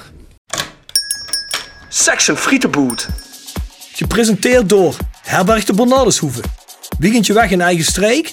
Boek een appartementje en ga heerlijk eten met fantastisch uitzicht in het prachtige Mingersborg bij Marco van Hoogdalem en zijn vrouw Danny. www.bernardeshoeve.nl En Stokgrondverzet uit Simpelveld. Voor al uw graafwerk, van klein tot groot. Onze gravels staan voor u klaar. Tevens worden we gesteund door Wiert Personeelsdiensten. Ben je op zoek naar versterking van je personeel? Contacteer dan Wiert's Personeelsdiensten in het PLS en vraag naar Mark of Sean. www.wierts.com Ja, Martijn, we hebben onze vaste rubriek. Ik weet niet of je de podcast ooit wel eens gehoord hebt. Wij eh, hebben onze drie vaste rubrieken. De eerste daarvan is onze section frietenboot. Wij vragen altijd naar de favoriete frituursnack van onze gasten. Heb je er een? Een Mexicano. Oeh, dat is de meest genoemde volgens mij. Dit Ja? Staat er al een aantal Ja, keer op. Mexicaan hè? schijnt een heerlijk ja, snack ja, te ja, zijn, Ja, eh. snack. nou, ik heb dit item. eh, ja, ik, ik, ik, ik luister de podcast meestal, maar ik skip ook vaak een stukje vooruit. Oh, dat mag. Eh, en, eh, en, en dit item heb ik. Wel moet je niet eens- zeggen. Wel, wel eens gehoord, maar niet zo vaak Ja. dat ik wist dat de Mexicano eh, al, al op één stond. Dat gaat ons weer sponsorgeld kosten. Als die mensen horen van Oeh, eh, de sorry. luisteraars skippen de Knip, onderdelen. knip hè? dat er maar uit. Ja. Dat, dat commercie bij Roda de commercial skipt, hè. Dat, kan, dat is niet goed, hè? En de commercials luister ik juist wel. Oké, Hey, Mexicanootje. Ja, we hebben nu natuurlijk een tijdje gehad over dat hele budgettaire gebeuren. Hier en her. We kunnen waarschijnlijk, eh, zoals in Engels zeggen, agree to disagree. Want ik vind gewoon persoonlijk dat iemand die handschoen moet oppakken, financieel gezien, en moet zeggen, hey, jongens, we moeten nou iets doen, dat- waardoor we niet terugzakken. Want volgens mij staan we gewoon op een kruispunt waar je of naar rechtsaf buigt, dat je weer van nul moet beginnen, of je gaat naar links. En je zegt tegen Jurgen Streppel en eh, Jeffrey van As, ja jongens, eh, kijk, we hebben iets weten te ritselen, ga aan de slag. Laten we gaan voor die top 3 volgend seizoen. Ja, op de een of andere manier zie ik dat nu nog niet zo gebeuren. Dus dat vind ik eigenlijk jammer. Maar je zegt net, er wordt met man en macht en zaken gewerkt. Hoe realistisch acht je het zelf dat we volgend jaar die stap alsnog halen, die tweede stap richting top eh, eerste divisie nu? Ja, dat is, een, dat is een hele lastige vraag, omdat je ook met eh, andere clubs te maken hebt. En je weet niet exact wat die gaan doen natuurlijk. Ja, maar dat heb je elk En- seizoen, hè? En ja, dat klopt. En daar is ook elk seizoen een moeilijke vraag, denk ik. Ja, maar ik Ehm, vraag het je, niet, niet, ik vraag het je omdat de Phoenix Groep dat als doel heeft gesteld. Dus houden ze sowieso al rekening mee dat er clubs voetballen, wat voor clubs het ook zijn. Toch? Ja, eh, tuurlijk. eh, de, de, ja, ik weet niet precies waar je heen wilt. Maar Nou, eh, wat ik ermee bedoel is, de Phoenix Groep staat binnen en zegt, oké, eerste doelstelling is eh, play-offs en proberen sportief iets goeds neer te zetten. Het jaar daarna doorpakken Ja. en nog hoger eindigen. Het jaar daarna willen we gaan promoveren. Dat is eigenlijk de eis. Dus van tevoren stel je al ongeacht wie er in voetbalt, dat dat je volgende stap moet zijn. Dus dat is mijn vraag, hoe realistisch nou, misschien eh, om dat even inderdaad in perspectief te plaatsen. De e- eerste prioriteit is continuïteit van de club. Oké. Hoor je eh, uit de markt dat de meeste clubs een stapje terug moeten doen na dit jaar? Of zijn er ook clubs die juist iets meer gaan doen? Afgezien van NEC, want daar gaat Boekhoren natuurlijk wel wat doen. Maar gelukkig zijn we die kwijt uit de keukenkampioen divisie. Maar is het, Ja, het- is het liga breed dat mensen een jasje uitdoen? Nou, wat je het meeste hoort is dat het heel onvoorspelbaar is. Er is bijna geen enkele club die nu, buiten NEC eigenlijk, die juist wel een bepaalde ambitie al hadden uitgesproken. Maar dat met Marcel Boekhoorn inderdaad ook kunnen. Eh, de meeste clubs eh, laten horen van, eh, we weten het nog niet precies. Het is afhankelijk van hoe dit jaar eindigt en uitpakt. Ook in de, in de, in de cijfers dadelijk. tegemoetkomingen of compensaties die betaald moeten worden over dit coronajaar aan, aan sponsors en supporters. Dus mijn allerbeste inschatting is toch dat het over de hele linie ongeveer, ongeveer gelijk zal blijven. Iedere club zal streven om ongeveer op gelijk niveau te blijven. Het is de vraag wat de gedegradeerde eredivisieclubs natuurlijk gaan doen, omdat die allemaal een heel ja, specifiek verhaal toch weer bij zich hebben. Nou, makkelijk zal het niet worden, dat is duidelijk. En als wij nou in de komende weken een partij vinden die de stadionnaam wil hebben voor een goede prijs, een nieuwe shirtsponsor van een redelijk bedrag, kan dat geld dan meteen geïnjecteerd worden in het spelersbudget of Nee, maar een deel daarvan? nee, Helemaal niks? Nee, helemaal niks. Nou, dat klinkt heel cru wat ik nu zeg natuurlijk, maar eh, dat is ook niet helemaal waar. Ik zeg het ook iets te, te, te resoluut. Maar in principe rekenen we al met, eh, met bepaalde inkomsten. eh, die, die, zitten al in de begroting. Want tuurlijk, jullie weten dat ook bij je voetbalclub. Schat je in aan het begin van het jaar wat je gaat binnenhalen en je uitgaven, die zijn er dan al. Nou, die inschatting van die inkomsten, die is al gedaan en daar zit al een flinke sprong, een flinke ambitie commercieel in. Vandaar mijn antwoord. Maar als je dadelijk in juli, augustus, eh, nou zou ik zeggen juni, juli bijvoorbeeld, al zeker weet dat je een heel groot gedeelte van die geplande inkomsten al eh, met handtekeningen eronder hebt kunnen noteren, ja, dan kan dat de, de insteek nog wel veranderen. In die zin dat je dan durft wat, wat, ja, wat, wat hoger te gaan en, en wat meer risico te nemen. Dat, dat zou in, in theorie zou dat kunnen. Dus dat betekent dat als je een sponsor op een shirt verkoopt en een stadionnaam, dan hebben we het over, over een paar ton, of ben ik nog gek? Lijkt me wel, ja. Dus dat betekent dat we die paar ton moeten hebben en dan nog eens een keer, dan nog quasi, nog eens een reeks van tonnen erbovenop om überhaupt het spelersbudget staande te kunnen houden. Ja, Martijn knikt, ja, Ja, dat ja. kunnen jullie niet zien. Ja, nee, dat klopt. Dus we zitten eigenlijk nog verder weg als we dachten. Ja, dat, ja, dat ligt eraan als je de... de Nou, wij dachten dat alles hoe, jij de, wat, we- Inderdaad, als je die, die hele snelle rekensom, eh, zeg maar, achterkant bierveeltje verhaal eh, maakt, dan... eh, Ja, ik kan het natuurlijk ook niet anders, want ik zit niet in jullie Nee, dat boeken. klopt, dus klopt. eh, ja.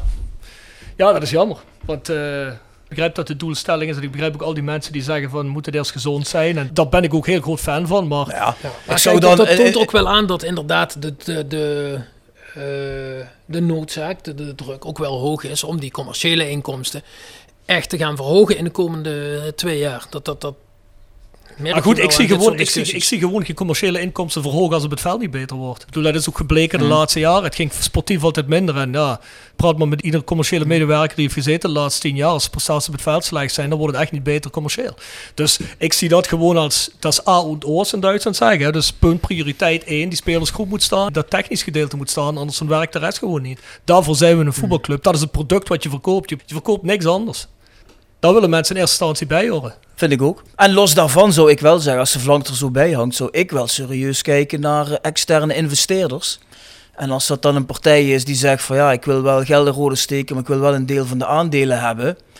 Ja, dan zul je daar toch denk ik serieus naar moeten kijken. Want Ja, uiteindelijk gaat het om prestaties op het veld.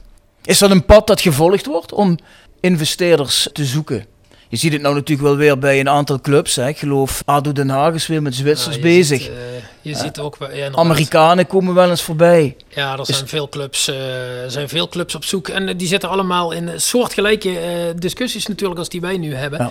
En, die, en die hebben geen Phoenix groep waarschijnlijk. En die, die stellen zich dan open voor investeerders. En er zijn er een aantal in Nederland op dit moment. En je ziet... Ja, je ziet goede en slechte voorbeelden. Hè? Je ziet bij Den Haag ook hoe het eh, mis eh, kan gaan. En je ziet eh, een stukje over de grens is, is Uerdingen een goed voorbeeld voor het dit jaar. Ze zijn er op de laatste speeldag ingebleven in de, in de Dritte Liga in Duitsland. Maar als je kijkt hoe die club dit seizoen heeft beleefd, dan ja, dat is ook een voorbeeld hoe het ook erg fout kan gaan. Maar eh, daar, daar, daar tegenover zullen ook goede voorbeelden staan. Dus Maar ik begrijp een beetje dat dat niet direct het pad is waar Roda nu heel actief wil bewandelen. klopt. Maar ik vind, ik, ik vind dat ook een beetje, een beetje raar. Ik begrijp wat jij zegt, Martijn, er zijn heel veel slechte voorbeelden. Ik bedoel, we hebben hier ook een slecht voorbeeld gehad. Of ja, die man die investeerde niet eens, maar goed. Maar een externe investeerder wil toch niet altijd zeggen, dat zeg jij ook niet, maar wil toch ook niet altijd Mhm. zeggen per definitie slecht. Want ik bedoel, heel eerlijk. Ja, dat wat ik zeg, er zijn ook Koster en. Houdini's, die zijn lokaal geboren. Dat zijn jongens misschien van hier, maar die hadden toch voor de rest... Van tevoren deden die toch ook niks met Roda. Dus ik bedoel, wat, gewoon omdat je geboren bent in mijn streek... betekent voor mij niet dat je ook altijd het beste op hebt met alles. En omgedraaid ook. Dan wil ik niet zeggen dat hun, Mm. van de Funnels het niet het beste op hebben. Dat geloof ik allemaal wel. Maar het ene sluit niet automatisch het andere uit. En omgedraaid ook niet. Dat wil ik ermee zeggen. Ja, klopt. En dan wordt toch soms een beetje dingen zeggen aangekeken. Oh, dat is iemand van buitenaf. Laat maar, die geloven we niet. Terwijl we hebben hier mensen gehad die van lokaal kwamen. Ton Kane, die kwam ook uit Zuid-Limburg. Die had niet het beste op met de vereniging. Dus ja, dus dat is eigenlijk een beetje waar ik heen wil. Maar ja, goed. Bjorn, heb jij nog vragen? Ja, ik heb een vraag, maar ik denk dat we eerst even een muziekrubriekje ertussendoor moeten doen. The Sound of Calhei. Gepresenteerd door www.gsrmusic.com voor muziek en exclusieve merch van Born From Pain, Madball, Death Before Dishonor, Archangel en nog veel meer. Ga naar www.gsrmusic.com En iPhone Reparatie Limburg voor professionele reparatie van Apple, Samsung en Huawei telefoons. Wouderpad 7 te Beek. Ook worden we gesteund door Willeweber Keukens. Wil jij graag kwaliteitskeukendesign dat ook bij jouw beurs past? Ga dan naar Willeweber Keukens in de Boebegraaf 1 te Schinveld. De Sound of Calhei. Ja. Ja, de alombekende playlist, Martijn. Wanneer horen we die playlist in het stadion nou eigenlijk eens? Als we weer met publiek eh, mogen voetballen. Ja, want ik dacht, we horen wel eventjes. Toen hier met die 900 man, ik denk, hoor ik wel even iets voorbij komen, maar... eh, Ja, ik, ik heb het niet bijgehouden, moet ik zeggen, welke nummers er precies in staan. Maar ehm, ik, eh, we moeten natuurlijk ook wel nummers hebben die een, toch het hele publiek enigszins aanspreken. Ik ben zelf had je andere gasten moeten vragen. ik- die ja, oké, klopt, waarschijnlijk.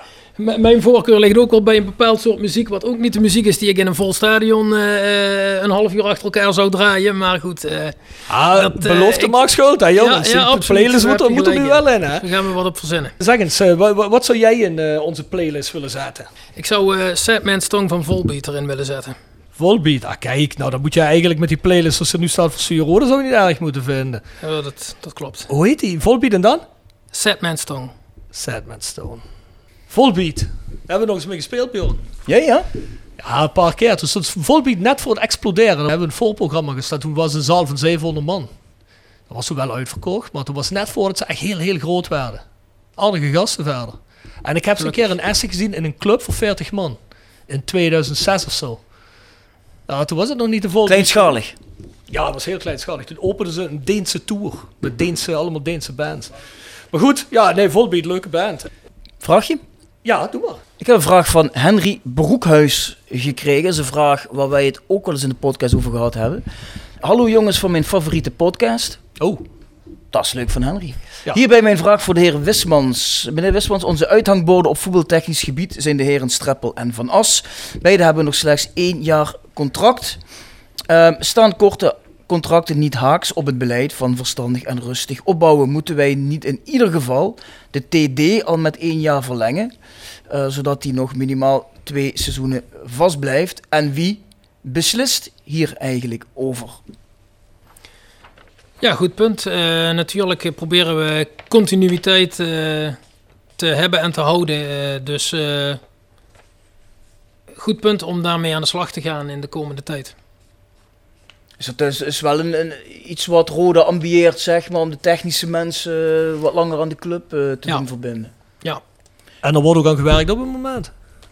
niet heel concreet, nee. We, kijk, inderdaad, we hebben de focus natuurlijk gehad op, eh, op het goed eindigen van dit seizoen. Eh, we- ik wil niet zeggen voor hetzelfde geld, maar er was een kans dat we gepromoveerd waren. Ga je ook een andere situatie in. Eh, en, en nu ligt eh, op eerste plek eh, de spelersgroep en eh, technische staf. Hebben ook vakantie, gaan dadelijk weer de voorbereiding beginnen. Maar dat dat een keer eh, opgepakt moet worden, dat is evident. En wie is daar de, de aangewezen man voor? Ben jij dat? Of is ja. dat René Troost? Of? Nee, ik zelf, maar uiteraard in nauw overleg met eh, de RVC, waarin René eh, de portefeuille voetbaltechnische zaken inderdaad beheert. Ja, dus die heeft ja. daar zeker wel een eh, stem in. Ja. Hebben we nog meer vragen, Bjorn? We hebben geen vragen meer, jongen. Tikje terug. Gepresenteerd door Van Ooyen Glashandel. Sinds 1937 vervangen en repareren wij al uw glas met veel passie en toewijding. Met 24 uur service. www.vanooyen.com En Quick Consulting. Laat finance waarde toevoegen aan je organisatie. We komen graag met je in gesprek om aan de hand van concrete voorbeelden duidelijk te maken hoe we dit ook binnen jouw onderneming kunnen realiseren. Think win-win, think quick. www.quickconsulting.nl ja, ik had al gezegd, we hebben een aantal tikjes terug van oud-collega's van jou, of oud-collega's, eh, voorgangers moet ik zeggen. En de eerste vraag komt van Wim Collard. Je kunt je Wim Collard herinneren. Nou, wat zijn de drie grootste overeenkomsten en verschillen tussen Hegelson en Roda JC? De overeenkomsten, om daar maar mee te beginnen. Ja, het, het gaat toch om voetbal uiteindelijk. Ehm, zo, zo, bij, bij de voetbalvereniging Hegelson ben ik voorzitter, hier ben ik algemeen directeur. En dan heb je toch snel de neiging om, eh, om over geld en, eh, en, en, en dingen die moeten gebeuren. Natuurlijk is de, de lading heel anders bij amateurs en bij profs, maar over geld te praten of over eh, dingen die moeten gebeuren binnen de club, stadion, accommodatie, dat soort zaken. Maar uiteindelijk gaat het om voetbal, dus dat is natuurlijk wel de belangrijkste overeenkomst. Ehm, een stukje maatschappelijke functie. Die is anders bij een BVO als bij een amateurclub. Maar ze hebben allebei een maatschappelijke functie. Dus dat is wel een overeenkomst. En nou moet ik nog een derde gaan vinden. Oh, je mag het ook dat je, ja, dat je toch ook afhankelijk bent van inkomsten. En dan praat ik toch weer een beetje uit de, uit de financiële hoek. Van inkomsten die... eh, bij een amateurclub is het de kantine. Hier is het het stadion met, eh, met de businessclub. En ook een stuk sponsoring. Ook bij amateurs, maar ook bij... eh, eh, ja, zeker ook hier natuurlijk. Dat dat, dat dat toch ook continu hard werken is natuurlijk. eh, om, eh, dat je toch dezelfde dingen moet doen. in, in touch, in, in verbinding blijven met, met je publiek. Sponsors en supporters. En dat, dat geldt bij beide. Ja, en de, en de drie grootste verschillen? Ja, de verschillen, de verschillen natuurlijk de impact die je, die je hebt, dat is, een, maar dat is wel heel, heel voor de hand liggend natuurlijk. Ehm, dus de impact die, die, die de club Roda heeft op de hele omgeving, op de stad Kerkrade, maar ook op de omgeving en, en, en zelfs verder nog, eh, nog landelijk. eh, en, en vooral als het niet goed gaat op dit moment helaas. Maar, ehm, eh, maar als je in de eredivisie zit, zou dat ook in hele positieve zin... dus die impact is, is, is natuurlijk heel verschillend. Ehm, ja, ook ondanks dat je het over voetbal hebt, hè, de, de, de professionaliteit, de lat die gewoon stukken hoger ligt, is natuurlijk ook wel voor de hand liggend. Dat is ook een heel groot verschil. Ehm, en ik. eh, het- is ook heel goed dat ook die lat ook hoog wordt gelegd door, eh, door mensen binnen de organisatie hier. En eh, dat, dat die benadering, die is echt 180 graden anders. De benadering van het voetbal. En ook de randvoorwaarden die nodig zijn om te voetballen. Dus dat is een heel duidelijk verschil. Nou goed, dat... eh, Ja. Nou, eh, dan hebben we nog een vraag van Huub Narings. Mhm. Die ken je ook? Ja. Ja, dat vonden wij wel een, eh, vonden wij wel een bizarre vraag, hè. Eh, het verbroederingsidee. Huub zei, hij had een verbroederingsidee met Heerenveen. Wat, wat wilde hij ook al wel doen? Dat was volgens mij wilde hij een keer supporters van Herenveen uitnodigen. En dat rode supporters en Herenveen supporters dan allemaal met een sjaal van hun geliefde club in één vak zouden zitten, gebroederlijk. Zodat heel Nederland zou kunnen zien dat dat ook zonder rellen kan. En dat Roda dan die primeur zou hebben Ja. om aan Nederland te tonen van kijk eens wat hier mogelijk is. Zie je daar wat in, zegt Huub zien jullie daar wat in? Ja, Ja, kijk, ik ben altijd wel gebaat bij een klein relletje. Dus ehm, het zou niet meteen mijn voorkeur hebben, Rob. Want het komt, ja, dat komt mij aan het brood, hè, jongen. Ach, weet je wat het is? Eh, Voetbal is... Kijk, als mensen bij elkaar willen zitten en ze vinden dat leuk... en mensen gewoon doorsnee supporters, eh, vaders en moeders met kinderen... dan moeten ze dat rustig doen. Maar ik denk wel dat er gezonde rivaliteit hoort bij voetbal. En soms mondt je ook uit naar het ongezonde, vaak ook letterlijk. Ja, bij sommige verenigingen onder elkaar... die meestal wel kort bij elkaar in de buurt liggen... zoals wij dat in Maastricht hebben misschien. Maar ja, goed, ik, ik weet niet. Ik vond dat... Ja, ik weet niet of ik dat zo'n goed idee vind. Ik, laat ik het zo zeggen, het maakt me niet zoveel uit, maar ik vind het, ik vind het niet nodig. Het is charmant, maar het is niet zo dat ik denk van, daar moeten we nog volop inzetten. Zeg maar, dan hebben wij de vraag van uh, Martijn beantwoord. Ja, van, uh, zullen we dat zullen we gewoon omdraaien? Volgende keer dat ik de gast ben. Dan heb ik nog een laatste voor je. Die komt van uh, je TD, Jeffrey van As. Wat is commercieel gezien de strategie om Roda naar een hoger plan te trekken? Dat zegt trouwens ook Maurice Stelen, dat is een andere gast die we gehad Mhm. hebben, co-commentator van ons ook. Robert Krasman heeft dat- die vraag ook gesteld. Ja, en heb je daar de hulp van Jeffrey en Jurgen bij nodig? En hoe? Ja, nou, het is een, een, een, een vraag die... eh, ja, daar zou ik ook een half uur over kunnen, kunnen praten om die Nou, we hebben natuurlijk al veel over er commercie gepraat. Laten we, het Ja, en- reduceren, laten we het reduceren op... Zouden we de hulp van Jurgen en Jeffrey eh, kunnen gebruiken en hoe? Ja, absoluut, natuurlijk. Ehm, er is toch wa- waarschijnlijk ook een categorie sponsors die, eh, ja, die, die dat ook gewoon interessant vindt om. Eh, als we, laat ik zeggen dat we een afspraak van een uur hebben om gewoon 55 minuten over voetbal en ook redelijk inhoudelijk over voetbal te praten en over Roda. 100%. En, eh, en, en, en dan vijf minuten over het, eh, over het sponsorcontract, bij wijze van spreken. Ja. Dus daar, daar zie ik zeker. En, en ja, rond de wedstrijden natuurlijk hebben we, ja, daar kom ik toch weer terug, die kansen niet gehad. Eenmalig in een kleine setting, Bjorn was erbij, een, een, een, een etentje kunnen doen. Ja, of dat nou voor de wedstrijd in een wat officiëlere, of formelere setting, een wedstrijdbespreking, voorbespreking is, of na de wedstrijd zich mengen tussen, dat, ja, ook dat soort zaken. En, ehm, ja, en, en ik denk ook, bijvoorbeeld, ik, ben nu even harder aan het denken, maar ook uitingen die we op social media bijvoorbeeld zouden kunnen doen. We hebben een belactie van de winter gehad met eh, Jurgen Streppel, die eh, alle seizoenkaarthouders, als ik het goed heb, ging, eh, ging bellen. Dat was natuurlijk van tevoren ingesproken, maar desalniettemin toch een persoonlijke boodschap van Jurgen Streppel. Ehm, als wij eh, toch eh, wat meer naar buiten mogen, als we bijvoorbeeld een actie zouden mogen opzetten in de voorbereiding van volgend seizoen, voor seizoenkaartcampagne of dat soort zaken. Ja, dat, dat zijn de momenten waarop je spelers, trainers mee wilt nemen. Ehm, ja, en, en, en iets inhoudelijker kan het natuurlijk ook eh, best wel eens, wel eens werken. Als je wat meer samen op wilt trekken in, een, in een, het verhaal van Roda neer te zetten richting een sponsor.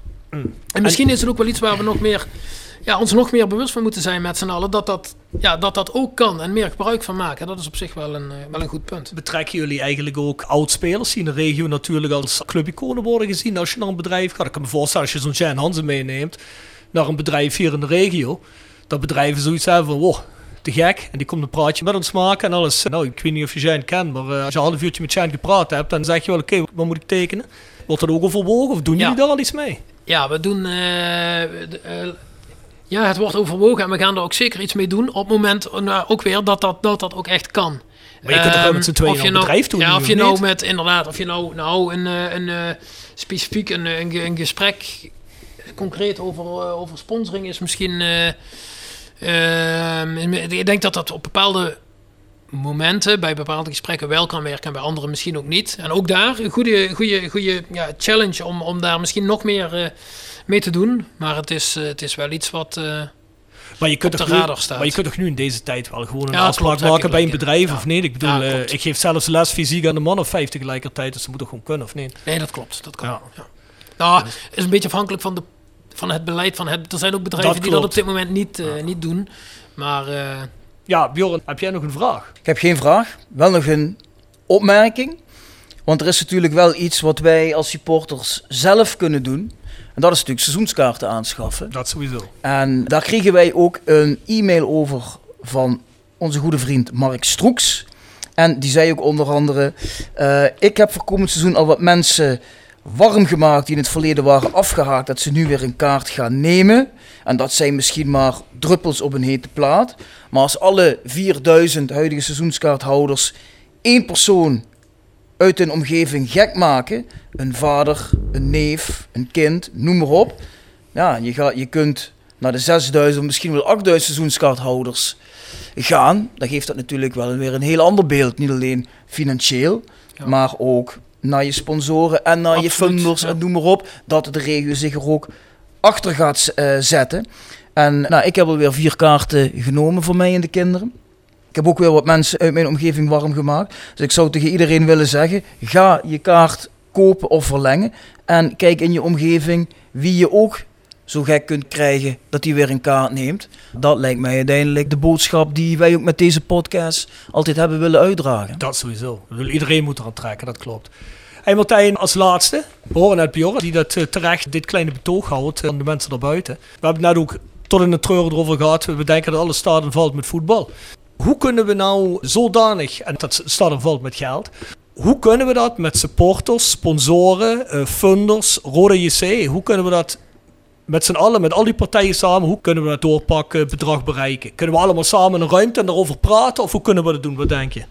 Nou, eh, poeh, ik denk eh, heel belangrijk, Bjorn, wat jij zegt, of wat ook Mark Stroeks zegt. eh, ga in eigen kring reclame maken voor die, eh, voor die aanschaf van die seizoenkaarten. En eh, ja, ook, ook juist na een eh, coronajaar, en eh, even ervan uitgaande dat we het nieuwe seizoen gewoon weer naar die tribune, naar dat stadion kunnen. Hoe mooi is het om toch gezamenlijk hier iedere twee weken naar, naar Roda te gaan. Ehm eh, daarnaast hopen wij zelf ook wel met, in, de, ja, in de loop van de komende weken met wat, wat, wat, wat aankondigingen te kunnen komen. Ook sponsors, nieuwe sponsors of verlengende sponsors. Wat dan hopelijk ook weer laat zien, ook aan anderen, van hey, eh, eh, men, ook, ook, zij doen weer mee, dus ook wij moeten weer meedoen.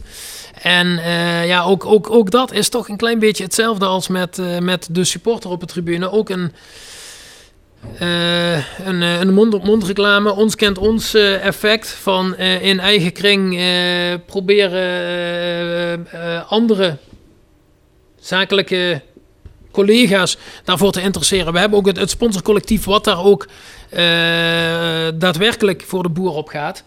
En dat hoeven niet allemaal hele grote sponsors te zijn die, eh, die meteen eh, eh, tien, kaarten, tien businesskaarten kopen en zes reclameborden bij wijze van spreken. Dat kan ook klein beginnen. We willen ook bijvoorbeeld op de voetbalacademie met Kaal Heide twee nieuwe kunstgrasvelden willen we ook graag weer met reclameborden gaan vullen. Nou, dan heb je het over 250 euro per jaar, relatief klein bedrag. Waar, waar, waar ook de gemiddelde, eh, wat zal ik zeggen, gemiddelde kleinere bedrijven in elk geval eh, iets, eh, iets mee kunnen om Roda uiteindelijk toch, eh, toch te steunen. Kijk, voor 250 euro een reclamebordje. Op, de Kalheide, academie. ja, Mhm. bij, het kunstgras, bij de nieuwe Oh. kunstgrasvelden. Ah, heb je er bij deze één verkocht. Koop er een met South 16. Nou kijk, dat soort... eh, Ik kan wel veel schreeuwen over geld, maar dan moet ik ook een beetje bijdragen. Nou, ja, bij hartstikke, deze. hartstikke goed, eh, Rob. Bij deze. Heel maar, hartstikke bedankt. ehm, ja, ja, geen probleem. Maar ehm, ja, dat zou ik zeggen. Bedankt Martijn. Dat je tijd hebt genomen om ons te woord te staan. Bjorn, ik had het al opgevouwen, maar we hebben natuurlijk nog de sponsoren die we moeten noemen. Ik zie er weer een paar nieuwe bij staan zelfs. Nou, ik heb er al een paar bij gezet die we voor volgend seizoen hebben weten te strikken. Dus die lijst die wordt langer en langer. En we hebben iedereen kunnen verlengen. Dus, Kijk aan. Martijn, misschien moet je ons inhuren op de commerciële afdeling. Ja, ja, ja. Buiten advocaten, IT-trainer slash podcast, dat doen we nog veel meer. En voor alle gekheid op het stokje, maar Jegers Advocaten, Next door Kapsalon Nagel en Beauty Salon. Hotelrestaurant de Veilerhof, Herberg de Bernardeshoeve. Noordwand, www.gsrmusic.com. Stok Grondverzet, Rapi Autodemontage. Van Ooyen Glashandel, iPhone Reparatie Limburg. Quick Consulting, Willeweber Keukens. Wiertz Personeelsdiensten, Fendo Merchandising. Sky Art Picks, Nederlands Mijnmuseum. Roda 1962, Marimi Solar. Roda Support, De Wheeler Autogroep. PC Data, En Roda Arctic Front. Roda Fans uit. Scandinavië. Juist. Nou, ons e-mailadres is thevoiceofcalais.south16.com. Onze shop is south16.com. Vergeet niet, voorverkoop van de nieuwe bier begint volgende week. En dat was hem. Koop je seizoenskaart. Koop je seizoenskaart en kopieer zijn boek ook. Kopieer zijn boek. Plus seizoenskaart. En een seizoenskaart. Ik heb er net een gekocht voor op Zuid. Ja, doe je goed. Mensen, dat was het. Tot volgende week. Doei doei.